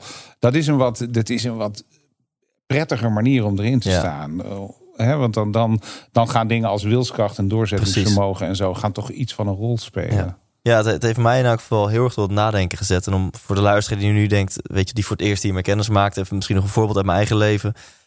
Als eh, ik, ik heb op een aantal gebieden best wel wat succes tussen aanhalingstekens. Deze Ja. podcast doet het goed. eh mijn theaterzalen zitten vol. Ik, ik mag veel eh, leuke andere dingen doen op podia. Ehm, en heb ik keihard voor gewerkt. Dus ik geloof Ja. er echt wel in dat ik soort van mijn succes heb gecreëerd. En dan zeggen mensen, oh, wat super knap. En dan denk ik, ja, maar lief dat je me die credits geeft. Maar ik kan er niks aan doen dat ik ben geboren met een chip van eh, level discipline eh, die vrij hoog is. En, en, en, en, en werkethiek of, of doorzettingsvermogen. Dat zijn eigenschappen die blijkbaar bij mij hoger zijn dan gemiddeld. Ja, ja, de- ja dat, dat is. ehm, En dan, wat kun je dan nog doen? Ik heb, ik heb soms hetzelfde idee. Dat, dat, ik, eh, dat, dat de beste reactie is maar gewoon dankbaarheid. Je moet Ja. gewoon s'avonds thuis op de bank... eh, Ga je, kijk je af en toe naar wat er allemaal is gebeurd. En dan, dan, eh, ja, dan ben ik eigenlijk vooral dankbaar. Maar ehm, de, de klassieke filosofen zeiden al, in ieder geval sommigen... van bijvoorbeeld een emotie als trots is al... dan zit je al fout. Want dan claim je, dan claim Ja. je dat jij iets hebt Trots is onzin. Dat is, dat, is, dat is een misplaatste emotie. Als je trots bent op iets wat je gedaan hebt. Alsof jij dat hebt bepaald. Al dus sommige filosofen. Al, al dus sommige oude Griekse filosofen Ja, toen ja, al. Hè? Dus, eh, dus eh, dan ben je eigenlijk nog niet voldoende geschoold als filosoof. Als jij nog dingen als trots... eh, maar dankbaarheid mag natuurlijk wel. Ja, Ja. dat vind ik een. Dat is, eh, uiteindelijk hou ik van cherrypicking. Weet je, je kan er iets heel moois uit halen. Ik zet een keer en daarna gaan we naar een paar andere vragen. eh, maar ik zet een keer op mijn Instagram en er is super veel reactie op gekomen. Een, ehm, een verhaal, of, of ik, ik deelde iets met mijn volgers. Ik, ik kwam een eh, zwerver tegen die om 11 uur 's ochtends zat hij voor de appie met een halve liter blik bier in zijn Ja. handen. En een aantal jaar geleden had ik best wel eens kunnen denken, als ik er voorbij liep, van ja, Sukkel, als jij nou andere keuzes had gemaakt en iets meer doorzettingsvermogen had gehad zoals ik, dan had jij hier nu niet gezeten, weet je wel? Ja. Eh, Dus bijna jezelf beter voelen. Nu liep ik daar langs en dacht ik, ja, als ik uit jouw moeder was gekomen eh, en in jouw omgeving was opgegroeid met jouw genetische eh, eigenschappen, had ik daar gezeten. Had je daar gezeten? Ja, precies. En Ja. eh, wat wil ik nou meer zeggen? Nee, in ieder geval, er kwamen heel veel reacties van mijn volgers. Van aan de ene kant begrip, van nou mooi. En aan de andere kant ook van ja, maar die zwerver kan nog steeds. Nou, en dan kom je precies weer op dit punt waarop je kan afvragen. Ja, hij kan nog steeds andere keuzes maken. Binnen bepaalde marges kun je, Precies. kunnen, kunnen de meeste mensen wel, wel eh, dingen aanpassen. Maar nee, maar dat realisme is wel, is wel goed hoor. Je moet af en toe. eh, het is heel makkelijk. Als je naar de hele wereldbevolking kijkt. De grootste voorspeller voor hoe gelukkig iemand later wordt, is domweg waar hij geboren wordt. Ja. Als jij in Ja. Togo geboren wordt. eh, of in de Centraal-Afrikaanse Republiek.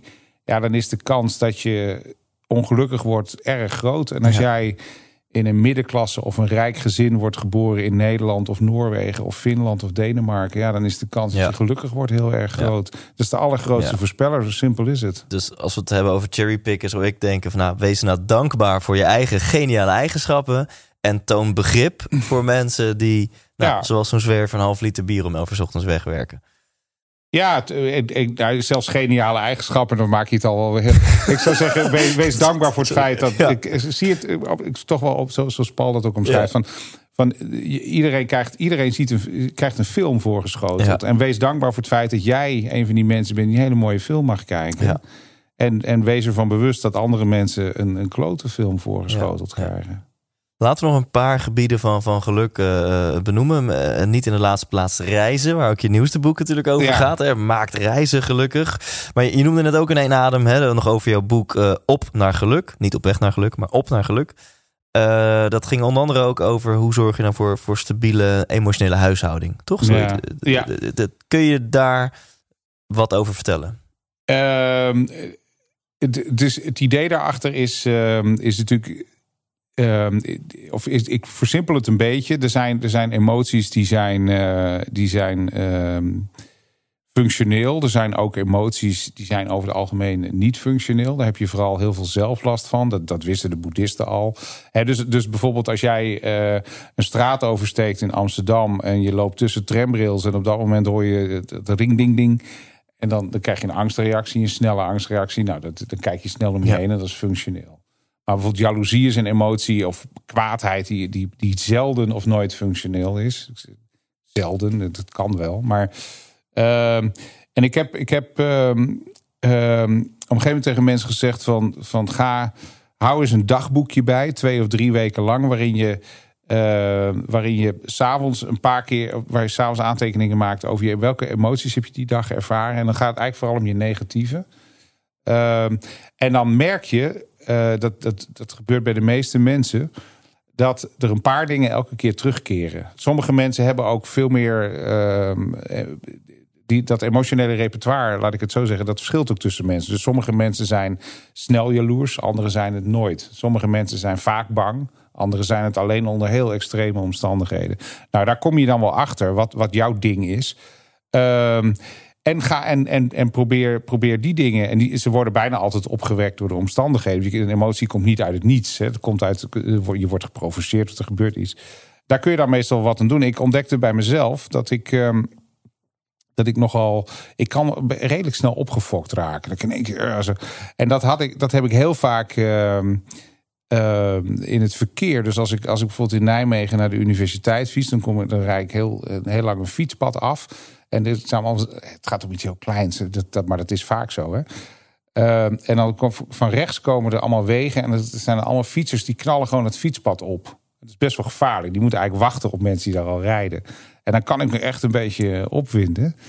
Ehm, en toen, toen, ik, toen kwam ik daarachter. En toen, door dat bij te houden. En toen dacht ik, wat een onzin. Waar zit ik me hier nou toch druk over te maken? En toen heb ik mezelf, mezelf dat ook echt afgeleerd. Dus nu, als ik nu daar rijd, dan... Als dat gevoel in me opkomt even die, die, die, die opgefokte reactie, dan denk ik meteen, nee. Nou, en als je, dat, als je dat meteen onderdrukt en je doet dat twee, drie weken consequent, dan ben je er ook wel vanaf. Dus eh, een praktische opdracht voor de luisteraar. Hou eens een logboek bij van je. Ja, hou eens een, ik beschrijf het allemaal letterlijk in de geluk met nog wat meer eh, ehm, instructies. Maar Ja. inderdaad, hou eens een logboekje bij, een paar weken lang, of, eh, die te maken hebben met je negatieve emoties. En kijk of de, kijk, als, je, als het toevallig een periode is waarin je ook veel verdriet hebt, dat is een ander verhaal. Dat, dat verdriet hoort helaas bij het leven. Als er iets Ja. ergs gebeurt, hoewel zelfs daar de, de, de klassieke filosofen al van zeiden van. ehm, ehm, en volgens mij trouwens ook het boeddhisme, zowel oost als west. Want ver- verdriet is een soort gast in je huis.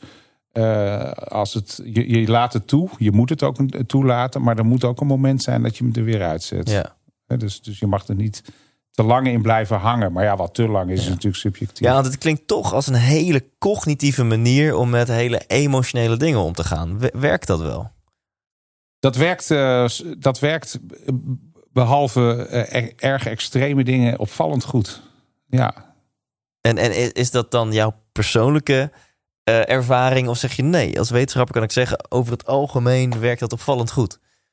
Nee hoor, ook als wetenschapper weten we dat wel. Ehm, ehm, er zijn ook, er zijn ook ehm, er is best veel onderzoek dat bijvoorbeeld laat zien dat alleen al, ehm, eh, dat, is een, een beetje een andere manier, maar die bespreken ook wel. Alleen maar schrijven. Ga, ga elke avond even een paar minuten vrij associatief schrijven over vervelende dingen die jou bezighouden. Dan wordt dat al minder. Dus eh, nee, het is inderdaad een. een, je, hebt het, je hebt heel mooi samengevat. Het is eigenlijk een hele cognitieve manier om, om emotionele processen aan te pakken. Maar ze hebben wel degelijk zin. Ja, dus zeg wel, excessen is, is wat anders. Hè. We hebben het niet over hele heftige klinische zaken. Dit is ook niet een manier om, om te genezen van een depressie. nee. Dat is iets anders. nee. Van, eh, van schrijven ze elke avond de dingen op waar je zo depressief om bent. Nou, zelfs dat, zelfs dat zou misschien wel kunnen helpen. Maar dat zou ik, dat zou ik, eh, niet, dat zou ik dan in ieder geval onder begeleiding doen van, van een Ja. professional. Ik zou daar niet zomaar aan beginnen. Want dat soort dingen kunnen ook verkeerd gaan. Ja, ja, want Ab had gezegd dat. Nee, daarom. Dus, dus we, nee, dan, daar heb je klinisch psychologen voor. Die van alles weten. Van, Gelukkig wordt het interview ook integraal eh, wordt uitgezonden. Dus ik ga hier niet smerig in knippen en plakken. Eh, we maken even een sprongetje naar eh, een ander boek van jou. Maakt geld gelukkig? Ja, En nou ja, daarmee stel je zelf de vraag al. Maakt geld gelukkig? ja.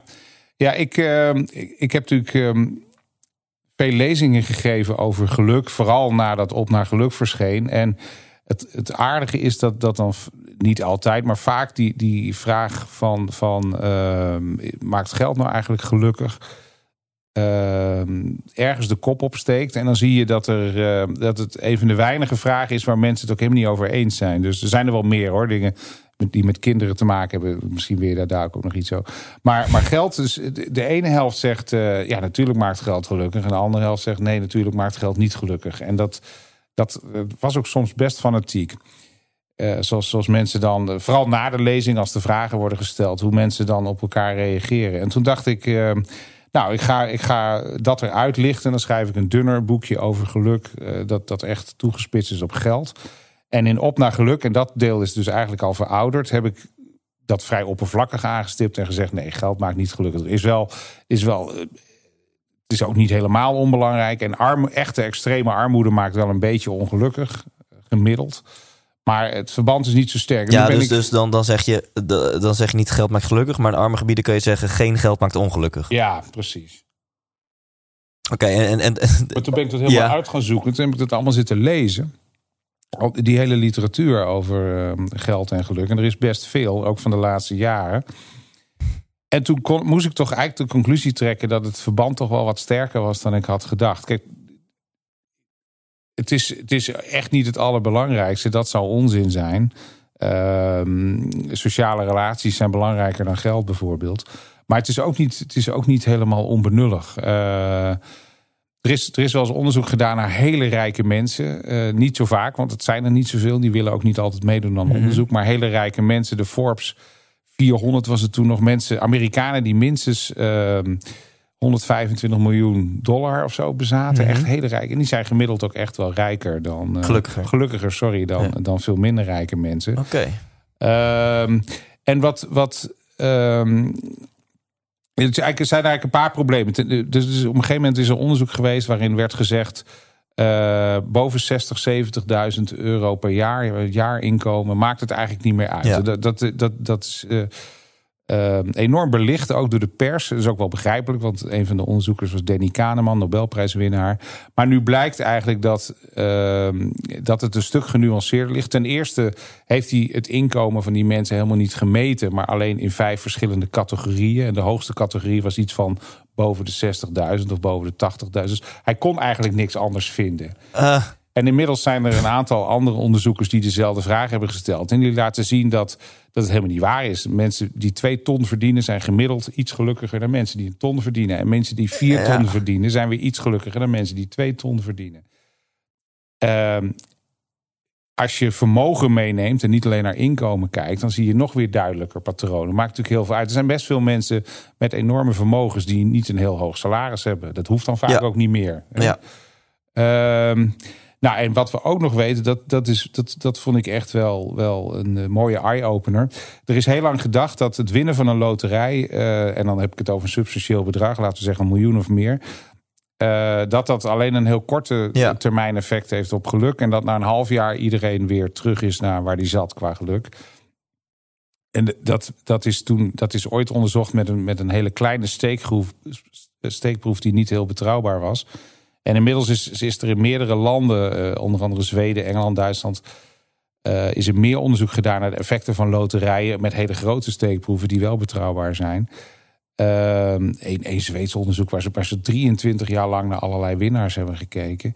En dan blijkt het eigenlijk precies andersom te zijn. Dus als jij een loterij wint, ben je in eerste instantie niet echt gelukkiger. Dat komt omdat er wel een aantal hele positieve dingen gebeuren. Je hebt in één keer geld, je kan een feest geven, een nieuwe auto. Maar er zijn ook een aantal dingen die mensen heel onzeker maakt. Dus ehm, je krijgt nieuwe vrienden en je denkt, komen die voor mij of voor mijn geld? Ja. Ehm, je weet soms, soms weten mensen ook helemaal niet wat ze met het geld moeten doen. Moet ik het nou netjes op een bankrekening zetten? Nou, allemaal onzekerheden. Kijk je nou naar die mensen, naar diezelfde mensen na twee jaar, dan zijn ze bijna allemaal toch wel gelukkiger. Dus juist op lange termijn word je wel gelukkig. Dat heeft ermee te maken, na twee jaar is die onrust verdwenen. Je weet wat je met je geld moet doen. Het staat waarschijnlijk ergens veilig opgeborgen. Voor een groot deel en een klein deel heb je, heb je leuke dingen eh, voor gedaan. Ehm, en het zorgt voor, eh, voor rust en zekerheid. Hè? Dat is een van de fijne Ja. dingen van een vermogen. Ja. Als, jou, als, je, als je arm bent en je wasmachine gaat kapot, dan, dan raak je misschien wel in paniek van: oh, waar moet ik het geld vandaan halen voor een nieuwe? Ja. Als jij een miljoen op de bank hebt staan en je wasmachine gaat kapot, ja, dan ga je naar internet, je, je klikt Ja. drie keer Ja. en de volgende dag wordt er een nieuwe Dus, gedaan. dus jij ging het boek schrijven, maakt geld gelukkig. Jij denkt zo, ik zal eens even mijn gelijk gaan halen. Maar dat verklaart dan ook de ondertitel een ongemakkelijk antwoord. Want jij kwam er dus, naarmate je onderzoek ging doen voor het boek, kwam je erachter van shit. Ja. Mensen met meer dan 125 miljoen zijn gelukkig. Mensen met een paar ton zijn gelukkig. Mensen die de loterij winnen zijn na twee jaar gelukkiger dan... Ja, ik schrok ook, want ik, ik ben natuurlijk zelf heel gelukkig. En ik dacht altijd dat het komt omdat ik allemaal die verstandige keuzes maak. Maar het komt gewoon omdat ik hartstikke rijk Komt ben. omdat je super veel geld hebt. Nee, nee, Ja. het, ehm, ehm, nee, het ongemakkelijke zat hem erin. Niet zozeer dat ik van mening moest veranderen. Dat vind ik, dat vind ik wel leuk. Maar als je...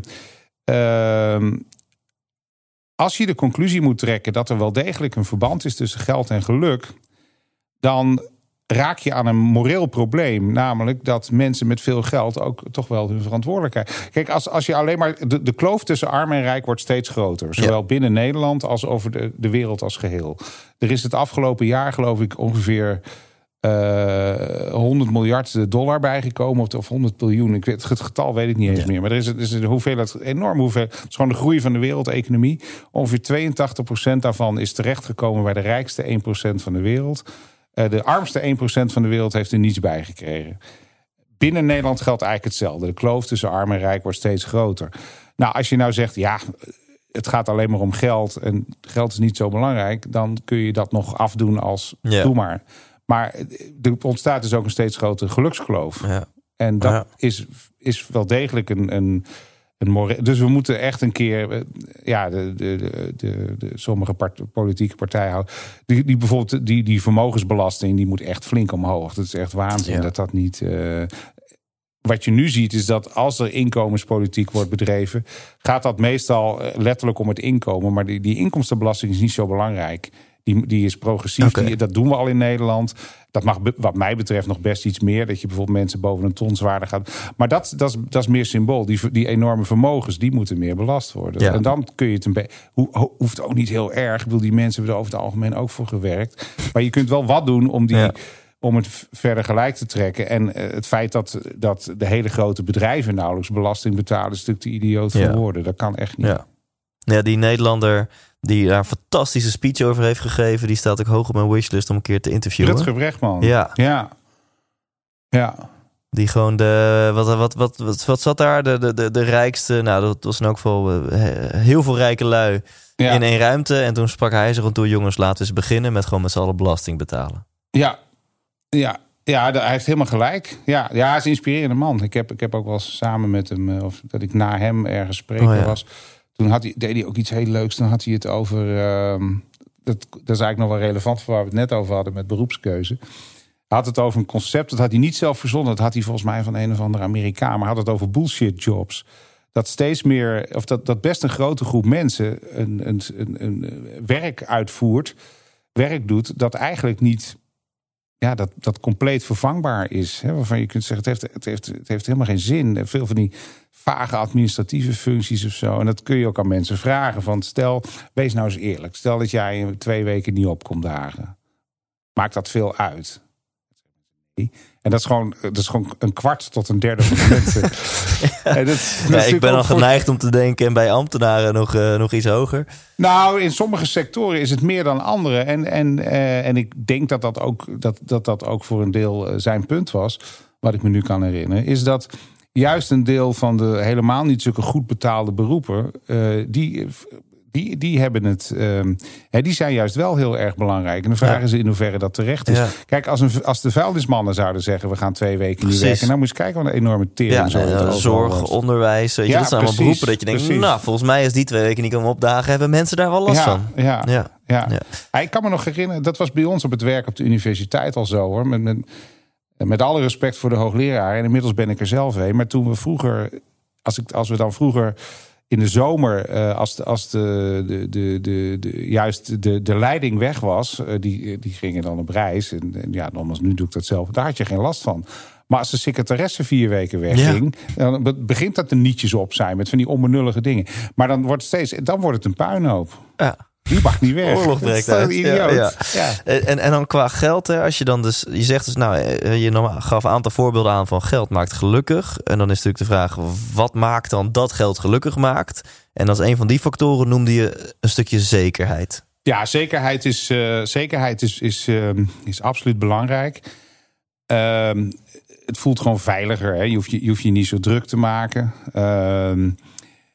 Wel weten we dat een heel groot deel van de relatie tussen geld en geluk afhangt van waar je het aan uitgeeft. Dus ook het laatste hoofdstuk in Maakt Geld Gelukkig. Het is eigenlijk gewoon een praktische cursus. Het is heel simpel. Je moet geld aan drie dingen uitgeven. Eén, je moet er andere mensen gelukkig mee maken.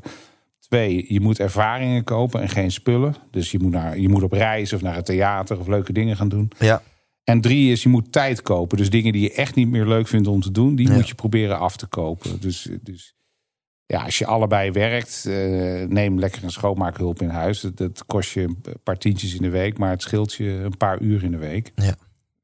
Dus, dus eigenlijk andere mensen, eh, ervaringen en, en geen spullen, of in ieder geval weinig spullen en tijd. Ja. Als je daar je geld aan uitgeeft, dan word je echt gelukkiger van Ja, geld. precies. Ja, ik probeer hier in mijn hoofd meteen een pitch voor te maken voor mijn theatershow. Of Nou, je, je investeert het in andere mensen, namelijk in mij. Ja, Eh, het is- ja precies. Dit, dit is een leuke ervaring, dat sowieso. En als ik nog te denken, alleen die derde van wat maakt nu dat je daar tijd mee koopt, eh, Ja. die moet ik er nog even zoeken.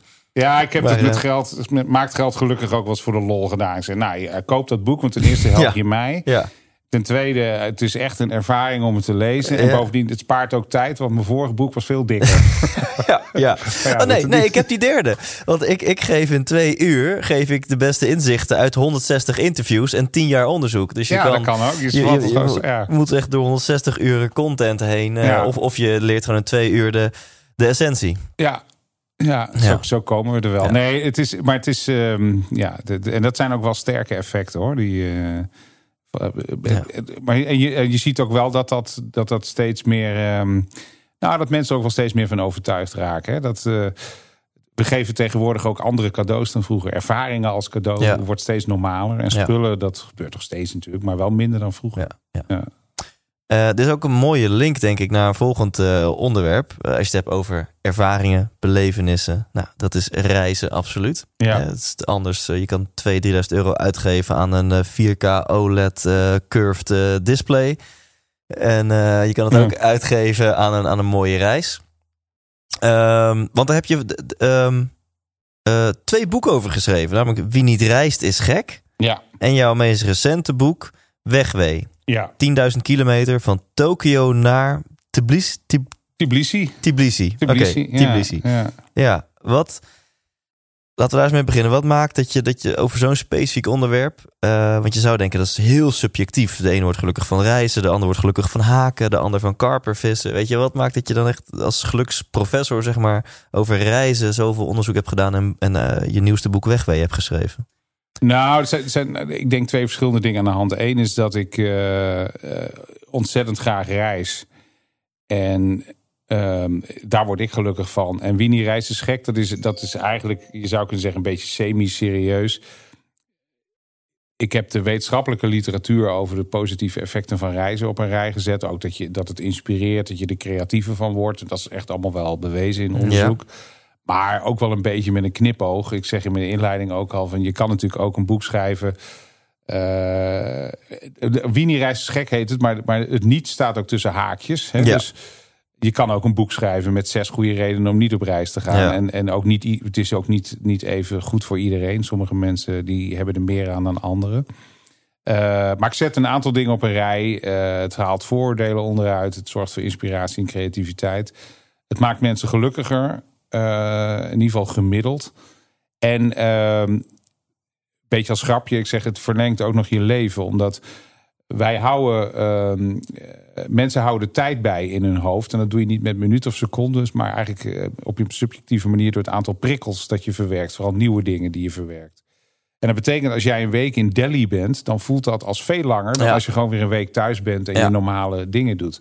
Dus hoe, lang, hoe, hoe meer je reist, hoe langer je Ja. leven duurt. Maar dan op een Ja, want je kunt zeggen, het gaat niet om hoe lang je leeft... maar om de perceptie van eh, hoe ja, lang je leeft. precies. En wat je allemaal meemaakt. Ja.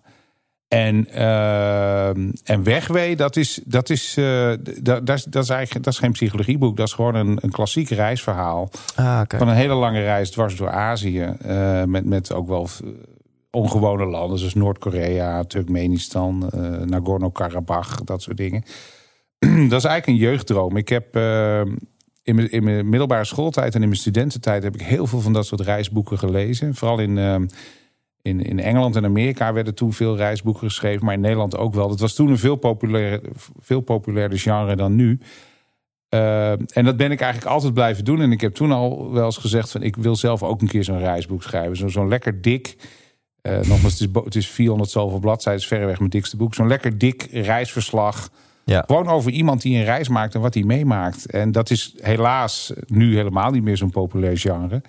Ehm, maar ik ben ontzettend blij dat ik het toch een keer heb Ja. gedaan. Het was, het, was, het was puur een jeugddroom van mij. Ja, Ja, gek. ik wilde een keer dat, dat boek moest ik een keer schrijven. Ja. En je zegt reizen, één, eh, het haalt vooroordelen weg. Het, Ja.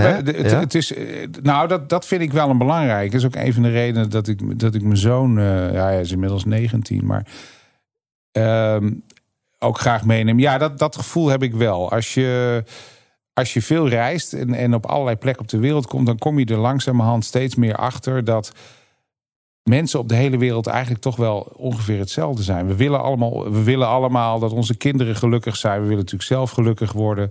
We willen allemaal dat, dat de, de generatie na ons het iets beter heeft dan wij zelf, als het enigszins kan.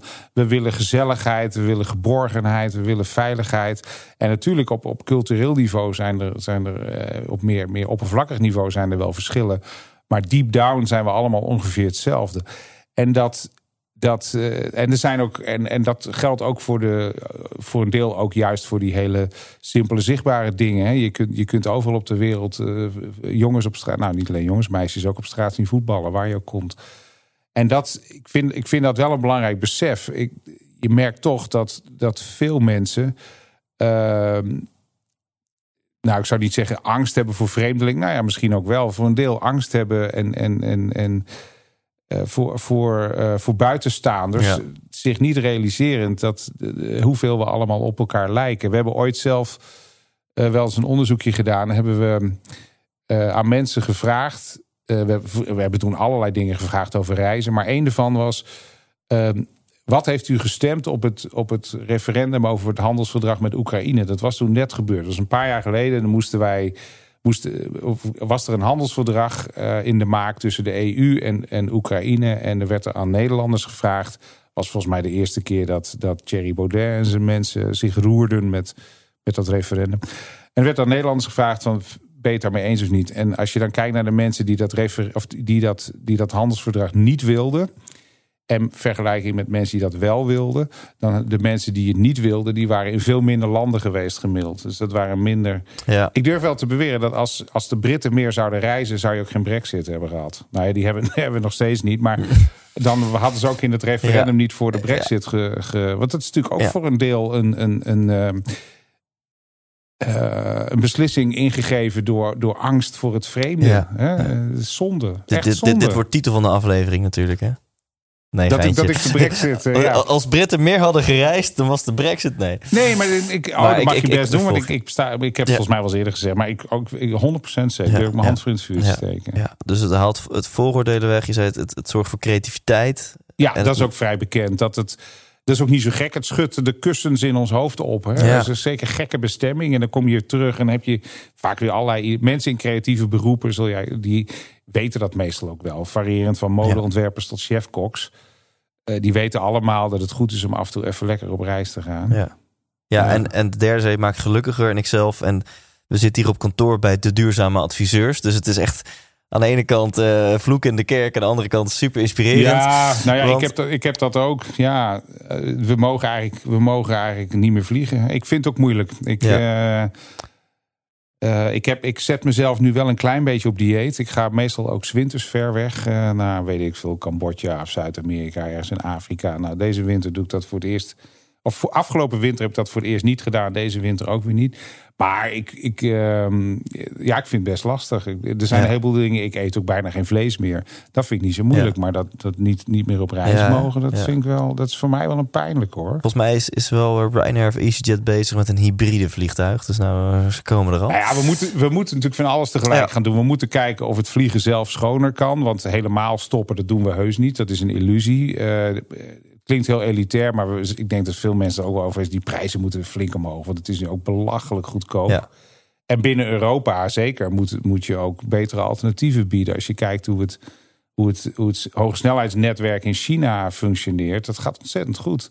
Dat moeten wij ook hebben. Ja. Je kunt Ja. niet, als je met de trein, dat had iemand laatst bekeken, naar, naar Kopenhagen wilde, moet je vier keer overstappen, ben je 7,5 uur onderweg. Ja. Ja, dat kan niet. Nee, nee. Ja, en het, het, is, het is geen politieke podcast, maar ik, ik, ik, Nee, kan, ik kan nu ook mijn keutel niet inhouden. Ik van inderdaad, want, want dat weten heel veel mensen niet. Kerosine is dus gewoon niet belast. Denk je, ik weet niet hoeveel Ja. procent accijns er op, op diesel en benzine zit, maar dat is in elk geval meer dan 21 procent. Eh, Ja.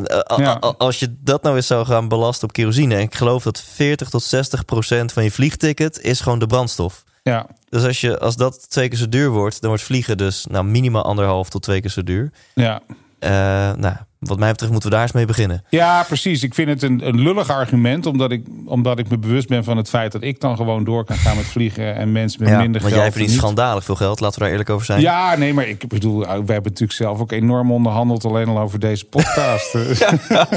Ja, nee, ik, ik, ik, ik ga straks naar mama voor een dekentje en een warme kop soep. Ja, want, eh, want ik ben blut na dit interview. eh, Ja, ja. nee, ik, ik heb van, wat is het, om zeven uur heb ik een afspraak met een vriend in een drie sterren restaurant. Maar eh, Voor de rest. nee, maar goed, even zonder gekheid. Dat, dat, dat, dat maakt het elitair en dat is ergens ook weer jammer. Maar we, we zullen die kant wel op moeten. Het moet, het moet Ja. weer duurder worden. Het, kan helemaal niet die prijzen. Van Nee, en dan ja, daarover gesproken, ik merk het bij mezelf, eh, en misschien ben ik dan knettergek, maar ik heb dus echt het idee dat eh, het bij mij ook nog uitmaakt voor, de, voor, de, eh, voor het mentale herstel en voor met een afstandje naar mijn gewone leven kunnen kijken hoe ver ik ga. Ik heb het idee, ik was vorige week een weekendje in Ardennen, nou dat is al top, Ja. maar ik was... eh, ik, ga, ik vaak één keer per naar Tenerife. En ik was afgelopen zomer was ik eh, in Amerika en Florida. En heb ik echt het idee, oh, nu ben ik aan de andere kant van de oceaan. Dan heb ik het idee alsof ik dan nog beter kan reflecteren op mijn gewone leven hier in Nederland. Alsof ik er letterlijk met een afstand naar kan kijken. Ja, maar ik, daar heb, dat is gewoon ehm, dat, dat, dat is gewoon waar. We weten, we weten bijvoorbeeld dat die effecten op, op creativiteit met name eh, van reizen. Die, die zijn, die zijn eh, afhankelijk van. eh, nou ja, nogmaals, een weekend Ardennen is al hartstikke goed hoor. Er is helemaal niks mis mee. Maar ze zijn wel afhankelijk van hoe passief of actief ben je. Dus een meer actieve vakantie heb je meer dan een passieve. Ehm, lengte, langer is beter dan kort. Hoewel misschien vier korte van een week samen weer beter zijn dan één lange van een maand. Daar Ja. zijn we nog niet helemaal uit. Ja. Dus verschillende. En, eh, en wat we noemen culturele afstand. Dus eh, ja, eh, eh, Florida heb je meer aan dan België. En, maar bijvoorbeeld de, rimboe van Papua heb je weer meer aan dan Florida. Als je, als je dat leuk vindt. Ja. Dus de, de culturele afstand is ook belangrijk. Ik, heb al, ja, ik ben een paar keer in India geweest. Ja, ik vind dat helemaal geweldig. Dan ben, je, dan, ben, je, dan ben ik echt in een half uur. Ja. Ben ik alles vergeten wat ik, Ja. de laatste maanden in. Dat is, dat is, dat is ja.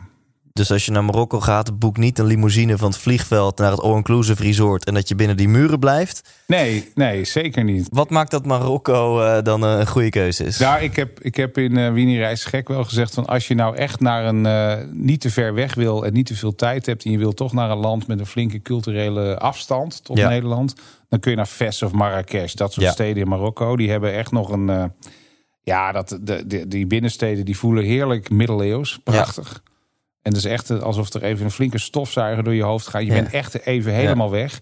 Terwijl het maar, ja, het is, het is voor ons vrij dichtbij. En ik denk bijna twaalf maanden per jaar zonzeker. Ja, qua weer zit je ook goed. Ja. Ja, zeker. Ja, Ja. Top. Ehm, ik, ik ga nog één vraag aan jou stellen. ehm, afkomstig van, eh, ik mag zijn naam niet noemen, maar ene G. Weijers uit Breda. Oké. En eh, die, die vraagt aan jou: wat is het gekste wat je ooit hebt gegeten? Het gekste wat ik ooit heb gegeten. Ehm, levende inktvis. Levende inktvis. Ja, nou ja, levend. Ik moet even denken, ik zat te denken deep fried eh, tarantula of, eh, of hondensoep in Noord-Korea. Maar nee, levende inktvis.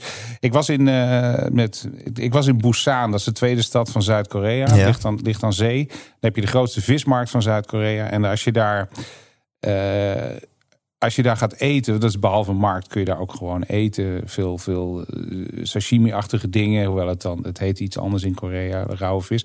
En als je daar iets bestelt, dan krijg je een, een vast voorgerecht. Dat is eigenlijk heel erg lullig. Dan hebben ze levende kleine, kleine inktvisjes waar ze de tentakels van afhakken. Als ik dat had geweten, had ik het niet besteld hoor. Maar dat, weet, dat wist ik niet. Dat krijg je gewoon standaard. Ja. En, en, en dan krijg je zo'n bordje met te- tentakeltjes, ongeveer nou, zo groot als een, als een, als een pink van een, van een kind. En die bewegen allemaal nog.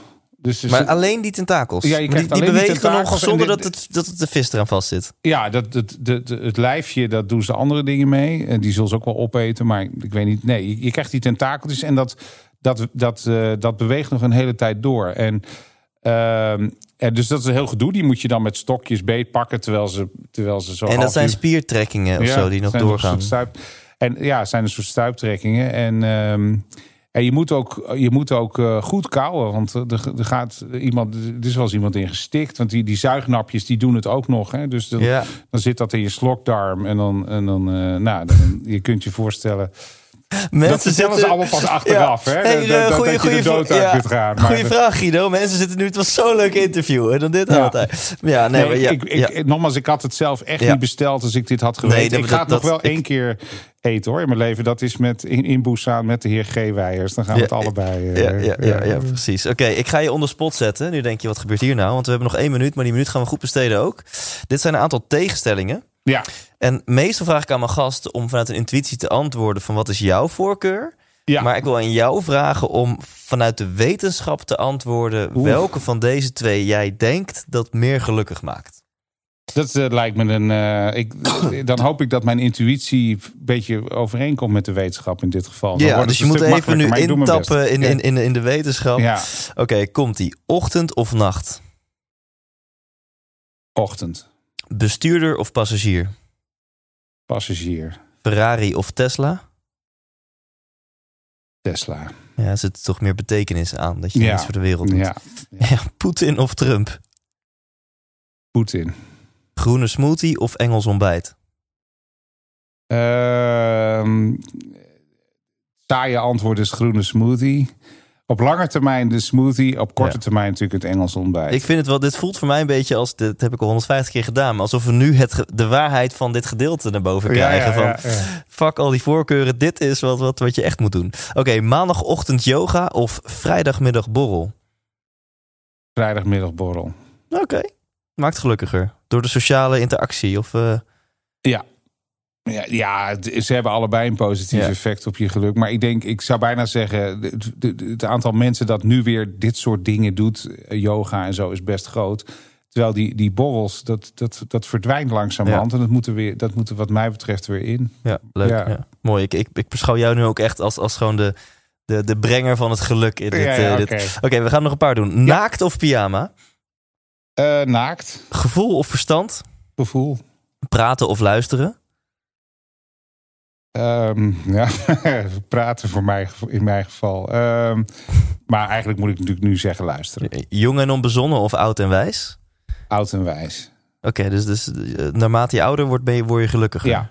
Ja, gemiddeld zeker. Ja, dat is gewoon zo. Dat is heel simpel. Jong en, ik zou zeggen, als je jong bent, ben lekker onbezonnen. En als je oud bent, ben lekker Ja. wijs. Maar het is wel zo, ja. Gemiddeld worden mensen gelukkiger naarmate ze ouder worden. Maar mijn vader zei, zei laatst, als je ouder wordt, dan ga je eh, je minder druk maken om dingen. We hadden het over voetbal, geloof ik. En dan als je jong bent, stort je wereld in als jouw clubje verliest. En als je dan wat ouder bent, Ja. nou, al dus mijn vader, dan kan je dat wat meer relativeren. Ja, dat is, dat is één van de dingen. Ja. Eh, Je ziet ook dat mensen over, het algemeen, eh, naarmate ze ouder worden, steeds minder tijd besteden aan dingen die ze niet leuk vinden om te doen. Dus je weet het stiekem. Je, je snapt jezelf beter, dat scheelt al. Je leert jezelf beter kennen, maar je, je deelt je leven ook steeds meer zo in dat, dat de dingen die je niet leuk vindt, dat je die, dat je die gewoon steeds minder doet. Ja. Ja. Wel logisch. Ja, dus als je Het is wel vermoedigend hoor, want als het andersom Ja. zou zijn geweest, zou het heel vervelend zijn. Precies. Ja. Ehm, hutje op de hei of herenhuis aan de gracht? Ehm, ja, eerlijk antwoord, herenhuis op de gracht. Dat maakt gelukkiger. Nou ja, we hebben gezegd geld maakt gelukkiger. Dus, eh, dus Ja, oké. eh, eh, een, een, een luxe woonboerderij op de hei of herenhuis aan de gracht? Ehm, ja, dat, dat hangt dan heel erg van de persoon af. Maar dan zou, ik, dan zou ik eigenlijk nog steeds zeggen herenhuis aan de. Je haalt mijn hele gelukstheorie nu onderuit. Ja? Ik denk altijd, je moet de, de prikkelloosheid opzoeken, verbinding met jezelf. Want we laten ons helemaal gek maken in deze drukke wereld. En we zijn de connectie met onszelf een beetje kwijt. Nou ja, ik zou zeggen, ik zou, ik zou normaal zeggen, dat herenhuis, daar ga je wonen. En dat hutje op de hei ga je af en toe naartoe. Ja, ik, ik, maar mijn, in mijn Maar droomleven heb ik het precies inderdaad Heb je, andersom. heb je het andersom? Ik, ja. ja, Ja, ja. kan ik me ook wel iets bij voorstellen hoor. Ja, Ja. mooie villa vlak bij de Soesduinen of zo. En dan eh on the side een loft aan de Herengracht. Dat lijkt me nou wel, eh, wel wat. Misschien moet je het inderdaad op een gegeven moment gaan omdraaien. Eh, Justin Bieber of Justin Timberlake? Kiezen dan Justin Timberlake. Ja. Maar dit is, dit is, dit is niet een... eh, De, wetens, de wetenschap is het hier niet eh, nee, over het, eens. het is gewoon allebei. Ik denk, jeetje. Nee, Ja, maar dan, ja, dan ja. wel Justin Timberlake. Oké, klassieke muziek of death metal? Ehm, nou, ik hou wel van, van stevige muziek, maar niet van death metal. Dus dan klassiek. Ja. Uh, nooit meer seks of nooit meer muziek? Nogmaals, wat het meeste impact zou hebben op je geluksniveau, positief gezien. Ja, ik, nou dan denk ik, uh, dan denk ik, uh, voor de hele bevolking heeft denk ik nooit meer seks een groter negatief effect op geluksniveau dan nooit meer muziek. Als je zou zeggen, hoe zit het bij mensen van, weet ik veel, 55 of 60 plus? Dan denk ik dat uh, nooit meer seks een kleiner effect heeft dan nooit. Maar dit is misschien, of nooit meer muziek. Ja. Maar dit is misschien een, te genuanceerd antwoord. Hè? Maar de hele wereldbevolking zou ik zeggen, ja, dan moeten we het maar zonder muziek gaan doen. Ja, oké. Ja, anders, dat is een heel antwoord. Anders stoppen we ook natuurlijk. En dan zijn we er op een gegeven moment niet meer. Dat ook. Dan sterven we uit. Nee, en risico's nemen of op veilig spelen? risico's nemen. Ja, geld, nou, nu, nu komt die. En dit is niet speciaal voor jou. Die, die zit er altijd al in. Geld maakt gelukkig of geld maakt ongelukkig? Uh, geld maakt gelukkig. Dan toch. Nou, en ook deze ligt heel erg uh, jou aan het hart, denk ik. Nederland uit en er nooit meer in. Of Nederland in en er nooit meer uit. Ja, dan toch Nederland in en er nooit meer uit. Ah, dat is ook natuurlijk ook. Ik vind. Ik, ik, er zijn natuurlijk heel veel ontzettend leuke landen. Maar een van de dingen die je toch ook wel leert, volgens mij, als Nederlander op reis, is dat je, we wonen wel in een ontzettend gaaf. Ja. Er zijn weinig dingen die, weinig landen die, die ik ervoor zou eren. Ik denk eigenlijk geen één. Ja. En één dag koning of één dag weer kind is de laatste. Uh, ik voel me heel vaak kind, dus dan zou ik zeggen, doe, doe die ene dag koning maar. Want koning voel ik maar nooit. Ja, oké, oké, te gek. nee, en, en, wil ik wel ruilen met Willem-Alexander. En als je het hebt over, um, en we leven in een prachtig land, maakt relativeren gelukkig. Dus stel je zit, ik kan er nu mee zitten, dat ik veel, mijn inbox is vol, of een uh, factuur wordt niet betaald, of ik uh, heb iets te veel stress. Helpt het dan als ik denk, maar wacht eens eventjes, uh, er zijn mensen die het nog veel zwaarder hebben dan ik. Dus eigenlijk heb ik niks om me zorgen om te maken. Um, nou, dat helpt zeker. Kijk, je, je kunt mensen die meer positieve gedachten hebben, die, die, die op een meer positieve manier naar de wereld kijken, zijn gelukkiger. Dus, en dat kun je uh, jezelf voor een deel, niet, niet helemaal, maar voor een deel ook nog wel een beetje aanleren ook. Uh, en relativeringsvermogen en ook bijvoorbeeld humor, die spelen daar een rol in. Ja. Nee, je, je, ontmoet wel eens mensen, hè? zeker sommige mensen die heel fanatiek met iets bezig zijn. Bijvoorbeeld uh, vegetariërs en veganisten. Sommigen in mijn omgeving zijn daar op zich prima. Nogmaals, ik eet zelf ook bijna geen vlees meer. Ik vind zelfs vind heel goed dat mensen dat doen. Maar sommigen die hebben wel, eh, zeker als ze over dat soort onderwerpen dan praten, geen relativeringsvermogen meer lijkt het wel. Dan is het allemaal fanatisme en er mag ook geen grapje over gemaakt worden. Oh, dat maakt echt niet gelukkig. Nee. Tot slot, want we, we zijn, ik, ik wil, het is zo heerlijk, je bent een wandelende encyclopedie, dus ik wil vragen op je af blijven vuren, maar de, de volgende gast staat gewoon al voor de deur zelfs. Wat kan jij aan het einde van dit gesprek uh, meegeven aan de luisteraar of kijker? Een, een, een, een, magische slottip van Ab Dijksterhuis als het gaat om uh, het, het, voelen, ervaren van geluk? Ja, een magische slottip zou, zou uh, te ver voeren, maar um, iets waar we het al over gehad hebben, maar dat vind ik toch wel een hele belangrijke, ook omdat er veel misverstanden over zijn. We willen allemaal gelukkig worden, maar als je, als je dat wil, moet je niet heel direct op je geluk afgaan, maar inderdaad om de dingetjes die eromheen hangen de belangrijkste hebben we al genoemd, hè, betekenis, zingeving. De, doe, doe, doe, eh, doe dingen die, uh, waar je je goed over voelt, die een mooie bijdrage leveren aan de wereld, aan mensen om je heen. En als je, als je daarmee bezig bent, dan komt geluk als een soort extraatje ook. Dat is eigenlijk het beste wat je doen kunt. Dankjewel. 100% Thanks voor het uh, afkijken of afluisteren of allebei van dit interview.